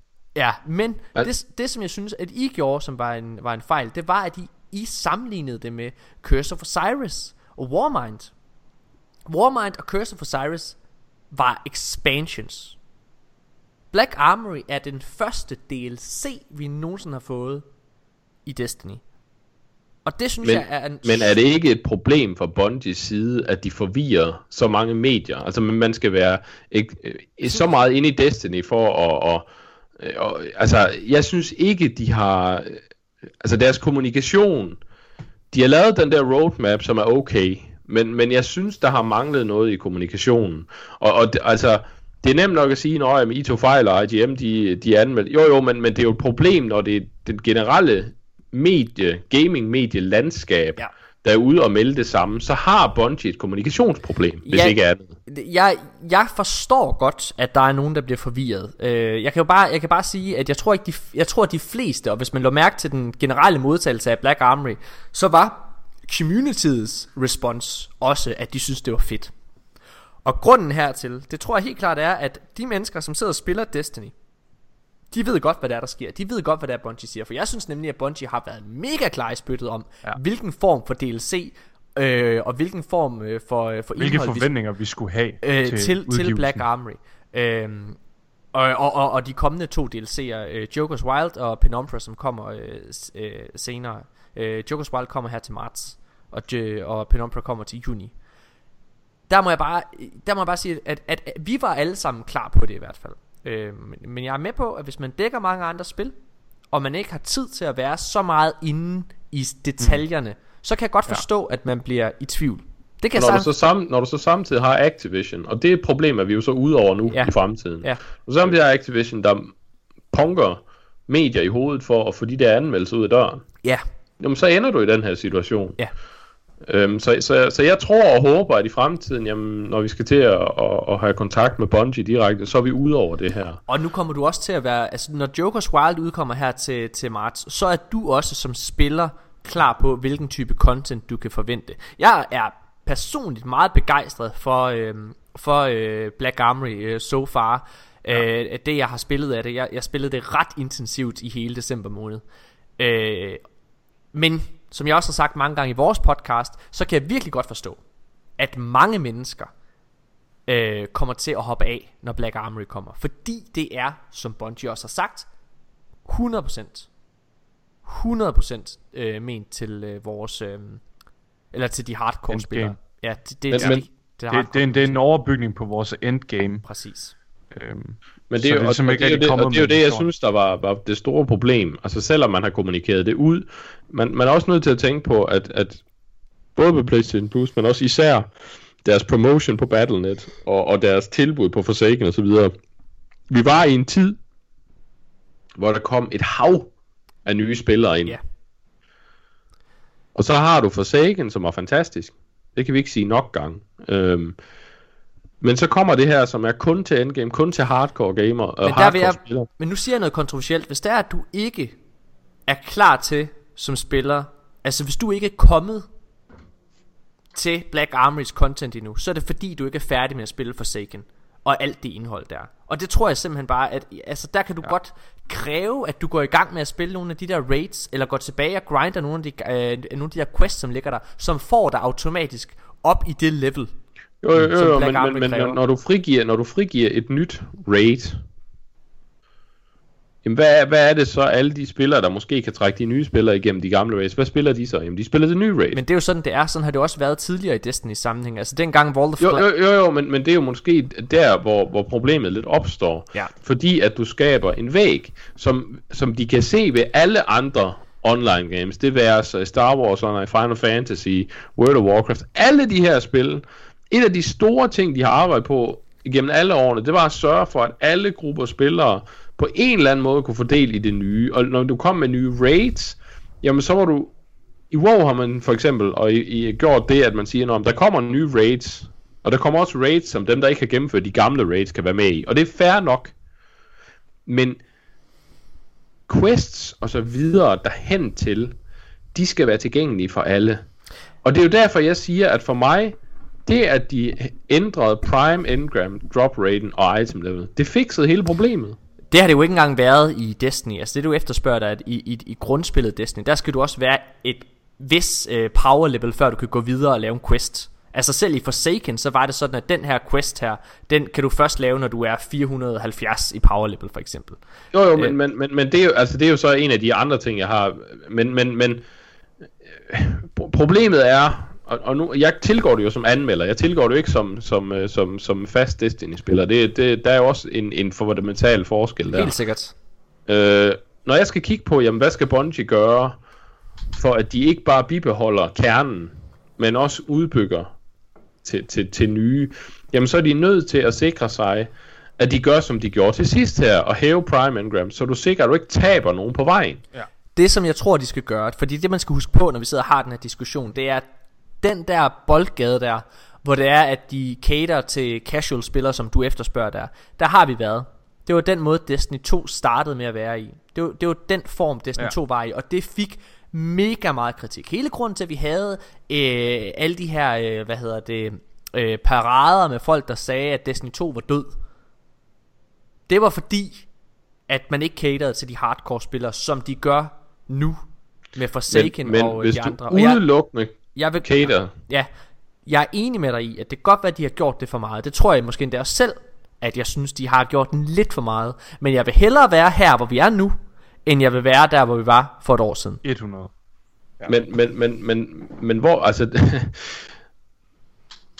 det man gjorde i World of Warcraft med Battle for Azeroth, det var jo netop at gå ind og sige, at men nu, nu, nu lukker vi al content bag ved raids. Du cater udelukkende til de hardcore. De har aldrig haft så få spillere, som de har lige nu. Hvis Destiny går hen, og det tror jeg ikke, de gør, fordi Bungie har bevist, det er ikke det, de vil. Ja. At hvis de gik hen og sagde, jamen nu cater vi udelukkende til de absolutte hardcore, der sidder og spiller 12 timer i døgnet. Ja. Jamen så har du også kun fem spillere tilbage. Vi er helt enige om, at de skal være et sted midt imellem. Og det er også det, Men jeg det var, mener. derfor, Ja. det var også derfor, jeg startede som med først at sige, jamen det, at de hævede Prime Engram drop raten, Ja. ja. det fikset det hele for mig. Fordi så har du nemlig noget, du har noget, en casual kan komme ind og spille to timer om dagen og sige, Nå, men jeg følte, jeg kom et sted hen. Altså jeg følte, jeg havde en progress. Ja. Ja. jeg kan ikke være med i raids, jeg kan ikke være med i de sidste nye quest. Fair nok, men jeg kunne mærke, der var en progress. Og det er alt, der er behov for i sådan et spil som Destiny. At der er et loop, man kan gå ind og mærke, at man har en fremgang i. Anders, et, øh, altså Destiny, det har et fantastisk endgame. Et spil, der ikke kommer til at have noget som helst endgame, det er Anthem. Skal vi ikke snakke om det? Uh, Anthem kommer til at have en eller anden form for endgame. Uh, men jo, jeg skal tale om Anthem. Anthem er jo, Anthem er jo et, uh, er jo sådan lidt svært at sammenligne med Destiny. Uh, uh, Men det bliver det gjort, så det jeg synes, vi skal, vi skal fortsætte. Og folk kalder det den nye Destiny-dræber og alle mulige ting. Der vil jeg godt lige sige, nu har jeg lavet podcast omkring Destiny i to år. To og et halvt år faktisk. Øh, og siden jeg startede til, i, tilbage i 2016 med at lave de danske Guardians podcasten, der har der hver måned været, det her bliver den nye Destiny-dræber. Den her kommer til at fjerne alle spillere. Det er ikke sådan en salgstitel for folk. Det er, når Ja. de gerne vil sælge et produkt, så går de ud og siger, Jo, jo, men Destiny det- dræber. altså det havde du jo også med World of Warcraft i mange år. Ja. Altså det der med, det her det er den nye WoW-killer. Ja, ja, slap nu af. Altså, og Anthem, jeg tror, at, at, at jeg tror BioWare og EA har gjort det rigtige med Anthem faktisk. Okay. Øh, fordi jeg synes, at Anthem er tilpas forskellig fra Destiny. Hmm. Fordi Anthem, hvor Destiny satte sig meget på gunplay, og på et mix af, af PvE og PvP, Mm. jamen så er Anthem, der er ikke noget PvP-del i Anthem. Det findes simpelthen ikke. Der er ikke PvP i Anthem. Til gengæld har de så valgt at sige, jamen vi satser 100% på dine abilities. Shooting-delen er der, men størstedelen er at bruge dine abilities. Det svarer lidt til, at man i Destiny brugte sine abilities mere end sine guns. Ja. Det er også derfor, det... undskyld, Ja, det, det sidste jeg vil sige, det er så også, og det de så satser endnu mere ved PvE, end, det er så også, at de vil prøve i hvert fald, og, øh, og det er jo så spørgsmål, om det lykkes med dem, øh, at de vil have brugt meget mere fokus på historie i fortællingen. Hvilket også er det BioWare er kendt for. Hvilket også er det BioWare er kendt for. Ja, og de har gjort det godt. Altså, de har haft nogle flop. Mass Effect Andromeda var forfærdeligt. Men, men Men, men det er altså ikke det rigtige. Det her, man skal huske på, at der er flere forskellige BioWare-studier. Inden I er lige Ja, begyndt at slagte præcis, BioWare præcis. øh, og Anthem her, så vil jeg gerne lige sige, at der er der har været, undskyld, tre forskellige BioWare-studier. Der har været det, der laver Old Republic, øh, Star Wars MMO'et, som stadigvæk kører. Øh, hvad hedder det? Og så har der været øh, øh, det spil, eller det spilstudie, som hed Edmund, øh, som er dem, der lavede Mass Effect Andromeda, og som desværre lukkede, øh, efter at de fejlede. Øh, eller er det Edmund, der er de, dem her? Okay, der er tre. Edmonton, ja. Øh, hvad hedder det? Og, øh, og det her, som laver Anthem, det er dem, der har lavet Dragon Age øh, og Mass Effect-spillene. De originale Mass Effect-spil. Altså den originale trilogi, som i min optik er en af de bedste spilprodukter, der nogensinde er lavet. Mass Effect 1, 2 og 3 er et mesterværk inden for spil. Ja, og det er også derfor, jeg siger, jamen jeg tror ikke, at man skal se, jeg tror, der er en fejl, men det er rigtig mange, der snakker om det, jeg tror, det er en fejl. Øh, man skal ikke se Anthem og Destiny som decideret direkte konkurrenter, fordi de cater til to forskellige markeder. Det er jeg ikke enig i. Ja, det er det samme publikum, som sidder og kigger, øh, som sidder og spiller Destiny, der sidder og kigger sultent mod Anthem. Og derfor så synes jeg godt, man kan sammenligne det. Øh, og det er også, øh, og de bliver også kørt op som konkurrenter. Som, som Jo, jo, men det, det er rigtigt, men det bliver ikke sådan, det bliver, når begge øh, Nej. spil er der. Altså, der kommer til at være et publikum på Anthem, og det er dem, der er meget historiefokuseret. Altså, hvis, hvis BioWare kan nail historie, ligesom de har gjort, nu nævner du Mass Effect og Dragon, øh, Dragon Age, men de har jo også i, i Star Wars øh, on, øh, The Old Republic, Ja. Har de også nailet historiefortælling i et online game. Problemet Øh. er, problemet er, og jeg synes masse, eller Star Wars The, The Old Republic er et glimrende eksempel, for det har jeg spillet. Øh, jeg er kæmpe kolossal Star Wars fan. Altså jeg kan nærmest ikke beskrive, hvor meget Star Wars fan jeg er. Så jeg sad selvfølgelig klar, købte en helt ny, øh, hvad der hedder, gaming computer, så jeg kunne køre The Old Republic. Jeg spillede det, synes det var rigtig fint, men da jeg var færdig med historien, så hoppede jeg af. Og nu vil jeg gerne forklare, hvorfor det er, at Mass, eller ikke Mass Effect, nu vil jeg gerne forklare, hvorfor Anthem i sidste ende bliver et flop. Jeg tror, det kommer til at klare sig rigtig, rigtig godt salgstalsmæssigt, vil jeg gerne understrege. Men ligesom man kan se på The Division for eksempel, så blev det faktisk et flop i sidste ende, øh, både PR-mæssigt og så videre, fordi at på trods af, at det solgte rigtig, rigtig godt, så altså hele, hvad hedder det, øh, hele spillerbasen forsvandt efter et par uger. Ja, der kommer så mange af dem tilbage igen jo her. Helt sikkert, øh, jamen, og det er det jeg vil sige, fordi ja. man, øh, nu skal man ikke tro, at bare fordi jeg øh, sidder og laver en Destiny podcast, det er, jeg så ikke kan se, at der er øh, spil derude, som kommer til at kunne udfordre Destiny, og kommer til at kunne øh, tilbyde noget, som Destiny ikke kan. Jeg tror, at den, hvis vi skal kalde det Destiny dræber, jeg tror ikke, det kommer til at dræbe Destiny, men nu bruger vi den, t- den titel. Den konkurrent, eller Destiny dræber, eller hvad man skal kalde det, der kommer, det er The, The, The Division 2. Jeg kommer ikke til at være en af dem, der sidder og spiller det. Men jeg tror, at The Division 2 kommer til at vinde det marked der. Og grund til, at de gør det, det er fordi, når jeg sidder og kigger her, jeg kan godt min spilhistorik. Og når jeg sidder og kigger på Anthem, så kan jeg se alle parallellerne til det originale The Division. Hele problemet med The Division, det var, at der ikke var noget endgame. Og når man lå mærke, altså når, når det var, at The Division, øh, folkene fra Ubisoft, var ude og, øh, og, og tale i medierne op til The Division, så undgik de alle samtaler, der havde noget som helst med endgame at gøre. Hvilket er det, der får et spil som The Division og Anthem til at leve. Fordi det er en shared world shooter, de vil lave. Det er selv den, mm. altså hvad det hedder, det er, det er den titel EA selv har brugt omkring det.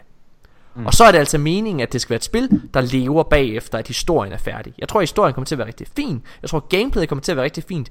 Men, men du mangler simpelthen noget i Anthem, der holder dig kørende bagefter. Ligesom de gjorde i The Division.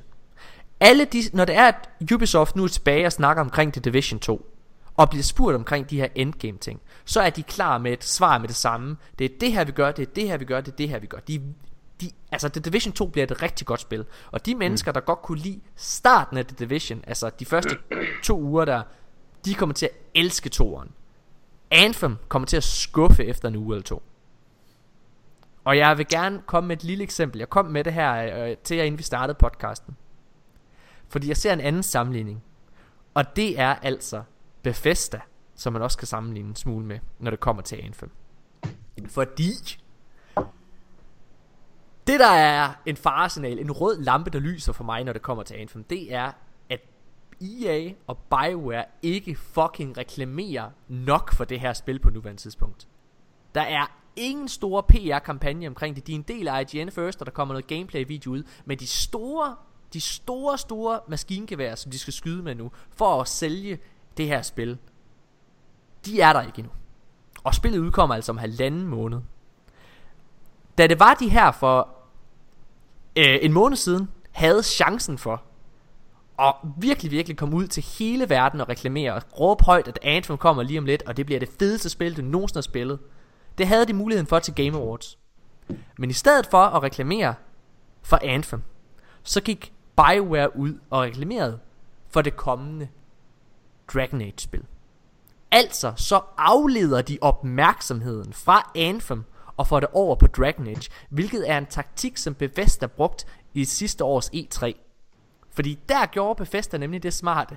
De vidste godt, alle inde i Bethesda vidste godt, at Fallout 76 ikke ville blive et godt spil. Jeg nægter at tro, at de ikke har vidst på det tidspunkt, at det her, det kommer ikke til at være det, folk gerne vil have. De er jo Okay. selv, altså, de er jo selv gamere. Præcis. Altså, der er lige... Der er lige, jeg, er lige jeg gør lige færdig, gør lige færdig. Og det de gjorde der, det var i stedet for at sidde og reklamere og mega, mega meget omkring øh, Fallout 76, så skyndte de sig at aflede opmærksomheden til E3 og siger, ja ja, øh, hvad hedder det, vi kommer med det her Fallout 76, men, men, men bare rolig, vi laver også det, I gerne vil spille, det I gerne vil have, som er det næste Skyrim-spil. Altså det store problem med, med altså der er en forskel. Øh, den, øh, den helt store forskel er, at Bethesda var selv ude at sige, at vi ved godt, Fallout 76 ikke er færdigt, da det blev udgivet. Øh, det har BioWare ikke været ude at sige. Ej, men Øh, spillet er heller ikke udgivet nu. Nej, nej, men de sagde det, inden det blev udgivet. Okay. Altså Bethesda var ude og fortælle til medierne, til os blandt andet, at det her spil, der kommer nu, ah, venner, mm, det er ikke helt færdigt. Men skal vi ikke komme i mål sammen? Øh, Så, så, så vi vidste alle sammen godt, at er Fallout... det frygteligt, man kan tillade sig det. Ja, det synes kan jeg, man jo heller ikke. øh, De, fik det jo også, de blev også straffet gevaldigt for det. Ja. Men det er så Øhm, langt ud, mand. Og lige omkring Anthems endgame, øhm, det er svært, altså nu er jeg jo, det er svært at spå om. Jamen, du kan jo godt sammenligne, for du kan jo sammenligne med, hvad er et online-spil, uden at have noget at lave, når historien er Jo, færdig. jo, jo, men, men jeg ved ikke, hvad, end, øh, hvad endgame der er. Altså det jeg ved, det er, at dem, der har været inviteret over og se spillet og så videre, har fået at vide, jamen, at, at, at øh, EA og BioWare vil ikke vise endgame endnu, fordi de siger, at det er det mest spændende, de har. Hvilket var det samme, som The Division sagde. Altså, Ubisoft Jo, sagde jo, jo, præcis men, det samme. men, men det er bare umuligt at vurdere endgame, før vi står med det. Ja. Altså man kan Og- godt komme med en gidsning, men du kan ikke, du kan ikke sige, at Anthem ikke får noget endgame, for Men- vi ved det ikke. men vi kan Jeg sammenligne- tror, i modsætning til dig, at den helt store taber bliver The Division 2. Okay. Fordi når jeg ser på det, så har du netop et, der fokuserer på shooting-delen, og rigtig meget på PvP og så videre. Og der kan de altså ikke levere en shooter, der føles lige så god som Destiny. Det kan de ikke, det tror jeg ikke på. Men der har de også et, øh, altså de har det forspring, der hedder, at det er tredje person. Lidt ligesom Anthem også har. Øh, hvad hedder det? Altså, Det Ja. er mere friendly. det er nemlig lige præcis, det er mere friendly. Og jeg må bare sige, at du kan godt sammenligne, fordi igen, nu har vi siddet og snakket om PvP her i, øh, i, i Destiny sammenhæng. Det er det, som for 70% af communityet, måske endda 80 vil jeg sige, af communityet, ja. Når de er færdige med kampagnen, det de sidder og bruger tid på, det er PvP. Ja, i Destiny. Power og, det, og det, er der, det, det er derfor, jeg siger, det, det, Ja. det community, der kommer til at være i Anthem, det er Men- ikke det samme, som der er i Destiny. Nej, men det, det, det er min pointe det her. Fordi hvis du tog PvP'en væk fra øh, Destiny, så vil du have Anthem. Nej, det vil du ikke. Okay. Jeg siger bare, at den form for content der, som de så i så fald ville skulle levere, hvis de kun er et PvE-spil, med at der skal komme quests og alle mulige ting, det er de ikke i stand til. Altså når Bungie ikke er i stand til det, og levere PV, PvE-content i den grad, så er EA og Anthem det simpelthen heller ikke. BioWare er et langt mindre studie end Bungie er. Og de kommer her med et spil, Jo, jo, jo, men, men, men, men de har EA i ryggen. Øh, altså, Bungie havde Activision. Ja, ja, men altså, jeg, jeg tror, øhm, Bungie havde jo også, du skal også tænke på, at Bungie skulle balancere PvE og PvP-content. Og det er jo også det, der har været svært i, i World of Warcraft for eksempel, øh, hvor, hvor PvP-delen har lidt i mange år stadigvæk gør, fordi man, man, du kan ikke, altså, du kan ikke levere begge dele øh, i fuldkommen grad. Altså du vil altid, du vil altid, hvis du har to dele, du skal levere, jamen så er du nødt til at balancere dem op imod hinanden. Anthem har valgt at sige, eller BioWare og EA har valgt at sige, jamen vi skærer PvP væk, fordi så kan vi fokusere på PvE. Det vil sige, at de vil have nemmere ved at levere mere content i den retning, end Bungie havde, fordi Bungie også skulle levere til PvP og skulle tænke på balance den vej. Jeg hører, hvad du siger, men det interessante er bare, at hvis du, altså, hvis du igen sammenligner med Destiny, så er PvP'en næsten selvkørende, når den først er der. Jo, men du skal stadigvæk balancere din PV, din PvP, PvE, men- men- men- våben men og så hvis du videre op kigger- imod det. Men hvis du kigger på holdet, der sidder og står for den del af Destiny, så er det jo minimalt.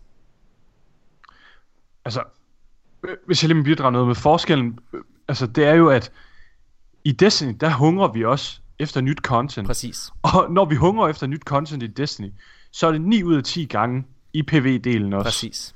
Forskellen er bare, at i Destiny har vi altid PvP at falde tilbage på. Ja. Og i den, det værste år af Destiny, The Taken King, med den sygeste content drought, øh, der var det, man faldt tilbage på. Det var bare PvP rigtig, rigtig meget. Og det bar Destiny gennem det år. Jeg tror virkelig, hvis, hvis der ikke havde været PvP i det der år, Så var det så havde død. Destiny, så havde Destiny været død. Der var ingen, der havde givet at investere i Rise of Iron heller. Og lad mig udfordre dig, Anders. Lad mig udfordre dig, Anders. Kom, nævn en spiltitel, som er i stand til at gøre det, som Anthem forsøger at gøre nu her. Øh, Final Fantasy 14.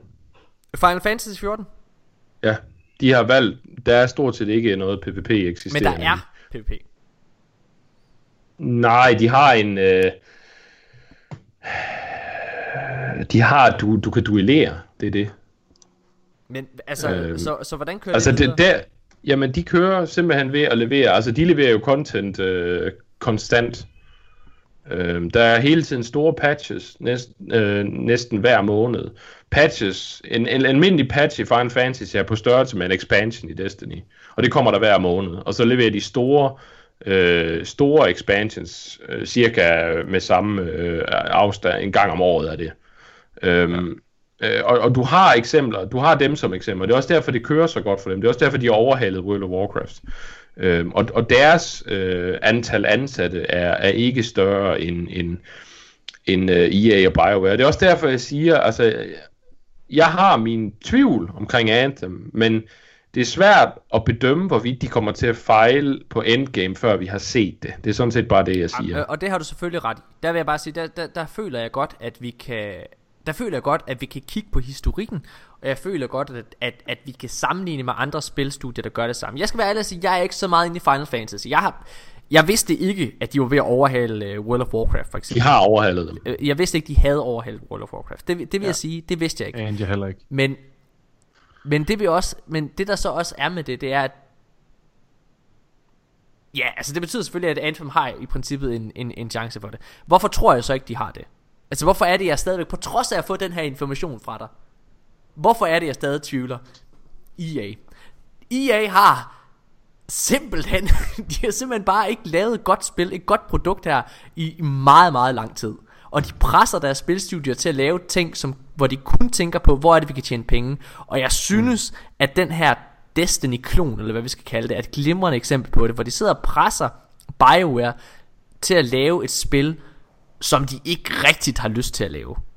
Altså det er tydeligt, når det er, at, når det er, at man sidder og lytter til interviewsene, for eksempel fra BioWare selv, det spil, de gerne, altså som de virkelig, virkelig synes er fedt, det, det er sådan noget som Dragon Age. Altså, det, det, Altså, jeg har, jeg har fulgt de sidste øh, developer streams, der har været på Twitch, øhm, og der virker de meget begejstrede. okay. Jamen, jeg, så, jeg, så er det bare, altså, men, men, men, men, øh, inden, inden vi bliver enige her, for der, det er der ingen grund til, fordi mit store angst omkring Anthem, det er EA. Ja, lige præcis. Altså, det, det, det, altså, det er der, hvor jeg, min store angst kommer. Altså- øh, alt andet er svært at bedømme for mig, men EA er, er en, en farlig Jeg ting. kan bare huske, at hypen omkring Andromeda for eksempel, da den udkom, var også kæmpe stor. Altså Ja. selv Nikolaj Ja. her, ikke også? Han sagde, at det, han, han, han troede faktisk, at han ville droppe Destiny, fordi at han troede, det her det ville komme til at... Jamen, altså, det, han, han var bange for, at, at... Du husker det sikkert, Mika. Han var bange for, ja. at, at det ville tage al hans tid, og det var bare fantastisk og alle mulige ting.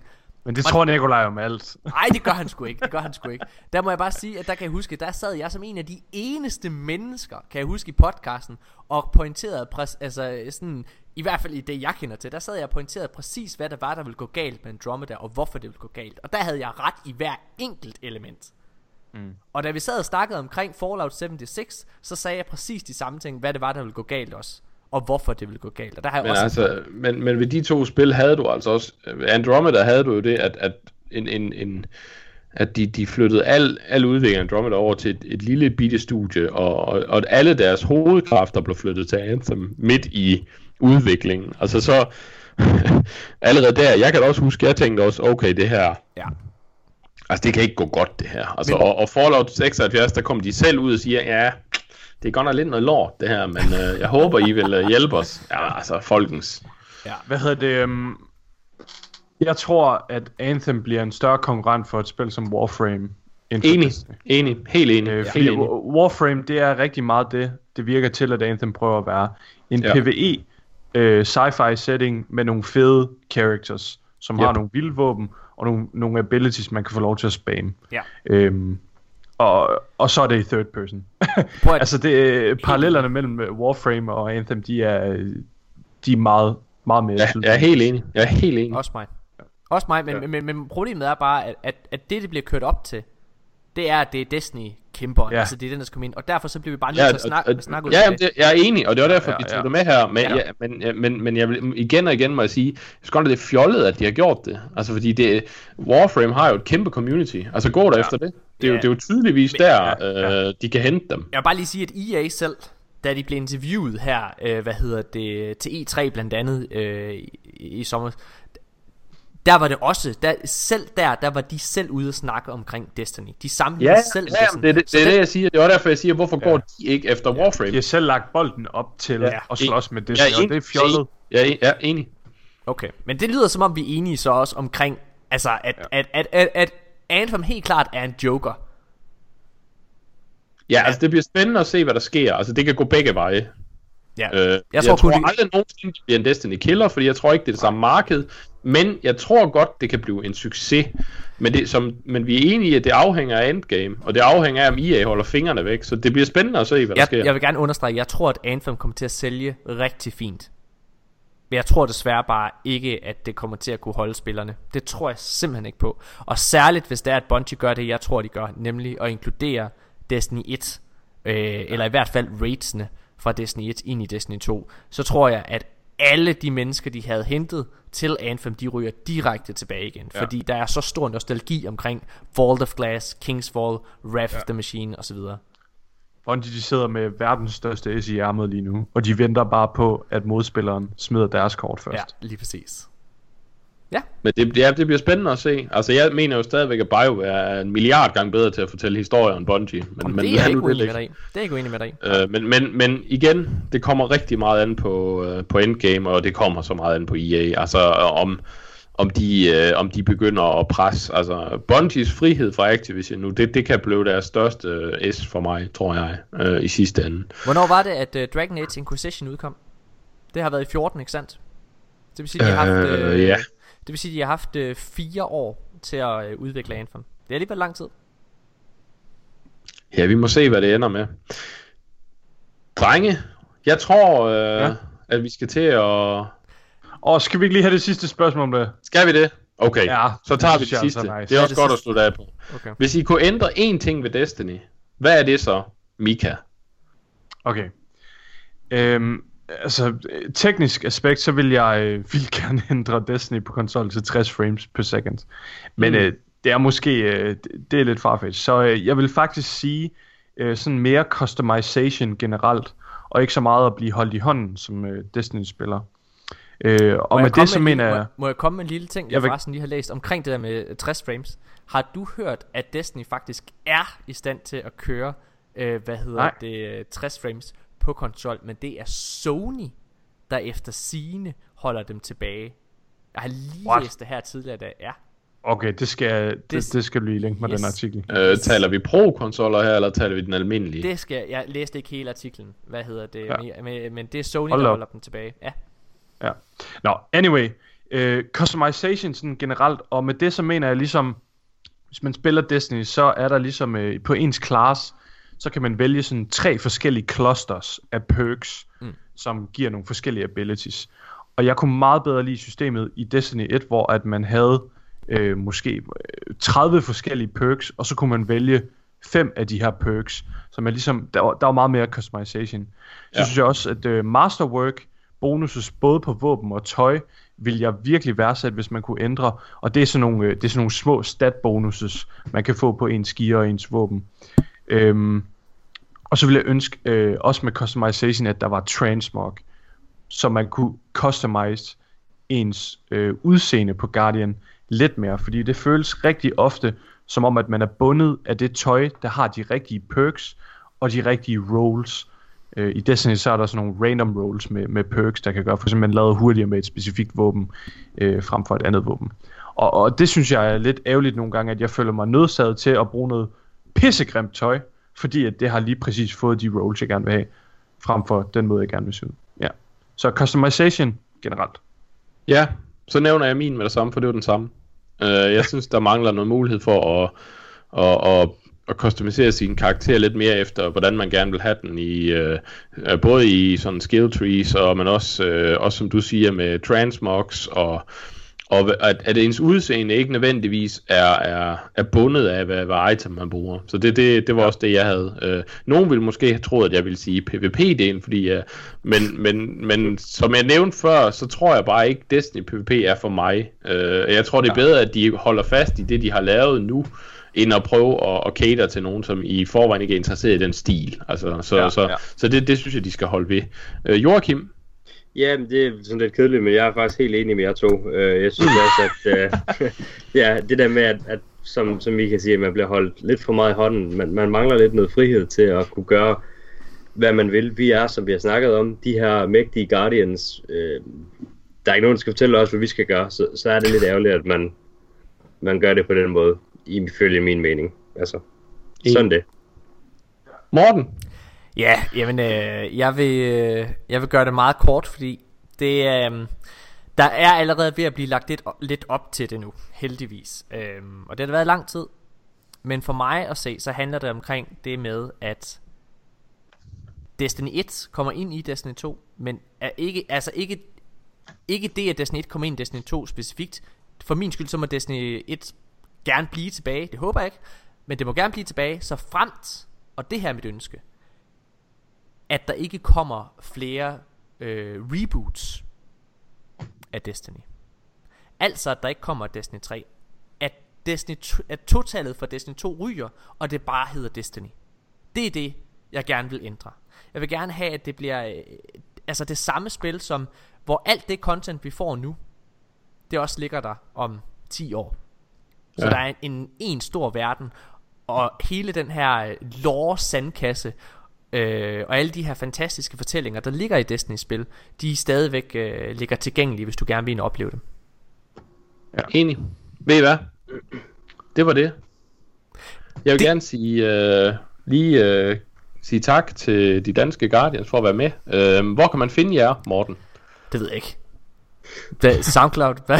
ja, nej, det, det, det, søg på de danske Guardians på Facebook. Lyt til os på SoundCloud. gå ind på Facebook Okay. og Nu, iTunes. nu kommer så videre. Mika. Jeg prøver, det er jo Morten, faktisk for at os til dig. fuldstændig. Nu Det var- tager jeg den lige. Okay, kom så. I kan finde os på Facebook ved at søge på de danske Guardians. I kan finde os vores, der kan I finde vores øh, Facebook-side her. Så kan I finde vores podcast på iTunes og SoundCloud.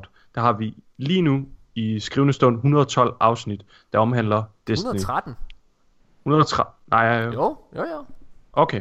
Undskyld. 113 så. Øhm, og der skal I bare søge på de danske Guardian, så kommer vi op. Øhm, på Twitter kan I også finde os. Det er Nikolaj, som bare har tidligere, han styrer den. Han er virkelig god til at holde den opdateret med en masse nye øh, nyheder inden for Destiny-universet og retweeter en masse interessante ting. Vores handle der, det er at ddg underscore destiny. Så kan I til allersidst følge os på min lille baby. Øh, og det er vores øh, Twitch-kanal, som, øh, hvor vi streamer øh, hver tirsdag fra 19 til 23. Og det er mig, der er sådan, øh, primært er vores Twitch-vært der. Morten han har også streamet lidt en gang imellem, men han streamer nok ikke lige så meget lige for tiden lige nu, fordi han er travlt med arbejde. Men kom ind og tjek den ud. Det er twitch.com øh, danske Guardians. Altså ikke de danske, men bare danske Guardians. Og øh, der laver vi en masse sjov, streamer raids, prøver bare at hygge, og øh, har et mega fedt community derinde med en masse seje mennesker, som, øh, som tager del i snakken og diskussionerne. Kom derind og hils på os. Det kunne være Ja. mega fedt. Super. Også kan I finde som sædvanligt på joypad.dk. Det seneste vi har fået, det er, at jeg har lagt en anmeldelse op af det nye Tales of Vesperia Definitive Edition. Var det godt? Øh, ja, det er det. Øh, I kan læse der, hvordan jeg sammenligner det med flæskesteg. Så øh, prøv at gå ind og, prøv at gå ind og kigge på det. Øh, og der er også en anmeldelse af Falling Sky, som jeg nævnte sidste gang. Og så kommer der lidt nyt. Der kommer snart en anmeldelse af Just Cause, det nyeste fra Joachim. Og øh, så kommer der... Ja, så kommer der en anmeldelse af det nye øh, Super Mario Bros. Øh, porten til Switch. Der kommer Call of Duty, den nye Black Ops snart. Øh, der kommer anmeldelser af Spyro, den nye øh, remake af Spyro. Og øh, ja, så vi har rigtig meget i, i pipeline lige nu. Må jeg hurtigt spørge jer? også... Be- Ja. to forresten. Hvad, er, hvad for et spil glæder jeg allermest til i år? Hver især Joachim og Anders. Det kan man gå ind og høre vores sidste afsnit, hvor vi har top 5 spil i 2019, vi ser mest frem til. Øhm, men hvis vi lige skal sige det nu og her, så for mig der er det noget, der hedder Judgment, som er øh, udgivet af dem, der har lavet Yakuza-serien, som er sådan noget med at rende rundt og smadre Yakuza-folk og synge karaoke og ansætte kyllinger som chefer. At, undskyld Øh. mig. Er, Yakuza, er det det, som resten af verden kalder Yakuza? Ja, men jeg, jeg vælger så at bruge den originale udtalelse, Yakuza. Yakuza. Åh, oh, fedt mand. Yakuza! Øh, Joachims, hvad var det, du havde som nummer 1, Joachim? Det var faktisk Anthem, som vi har snakket om. Ja, Så du har bare siddet og grædt her, mens vi har svinet. Nej, nej, nej, nej, nej. Jeg, jeg er stor nok til at kan tage imod lidt, øh, lidt modvind. Lad os se. Okay. Må jeg, må jeg lige Øhm, sige tak for, øh, at vi må væ- være med, Anders. Det har fandme været fedt. Ja, øh, det har været mega, mega sjovt. Også bare at snakke om lidt noget andet end bare Destiny, så, øh, selvom vi har mest snakket om Destiny. Ja. Øhm, og øh, tillykke med jeres uden tvivl længste episode nogensinde. ja, det er der vist ikke tvivl om. Mange tak. Øh, men ja, det var en fornøjelse at have jer med, og det håber jeg, der sker noget, noget samarbejde i fremtiden igen. Ja. Må ikke vi laver et eller andet øh, sammen i forbindelse med, når, når vi har lidt på banen, og der kommer en expansion til øh, den næste. Jeg regner med, at vi laver noget sammen næste gang. En stor expansion er kommet til, øh, til Destiny, og så sammenligner lidt med, hvorvidt... An- fordi der har Anthem også været ude lidt i en periode, og så kan vi bedre sammenligne det hele. Det kunne godt være interessant, tror Det vil jeg. jeg meget gerne. Altså, jeg har jo, øh, vi lavede engang en anmeldelse af The Division øh, i vores, altså fordi vi prøvede at give det en chance. Øh, Ja. vi, vi nåede kun at spille til level 10, så droppede vi, fordi vi synes det var lort. Altså, jeg synes, Division var noget lort. Ja. Det er så. Det, nå, men hvad hedder det? Øh, Ja, mega fedt. Tak fordi du var med. Og øh, jeg håber, øh, hvis I får lyst til bare at invitere ind en anden gang, og bare lade os reagere på et eller andet, så må I også meget gerne det. Det vil Jamen, jeg synes var I, mega I er altid, altid velkomne, hvis ikke andet, så til at komme og lure lidt. Øhm, I kan finde os, som sagt, på Joypad, også på Facebook. Led efter Joypad, og ellers skal I se på iTunes efter Joypod. Og nu har vi jo Mika her, det er faktisk manden bag navnet Joypod. Det var ham, der rigtigt. fandt på det. Så, Ja, det er rigtigt. så det skal du også have tak for. Men ja, ellers så ses vi næste gang. Hej hej folkens.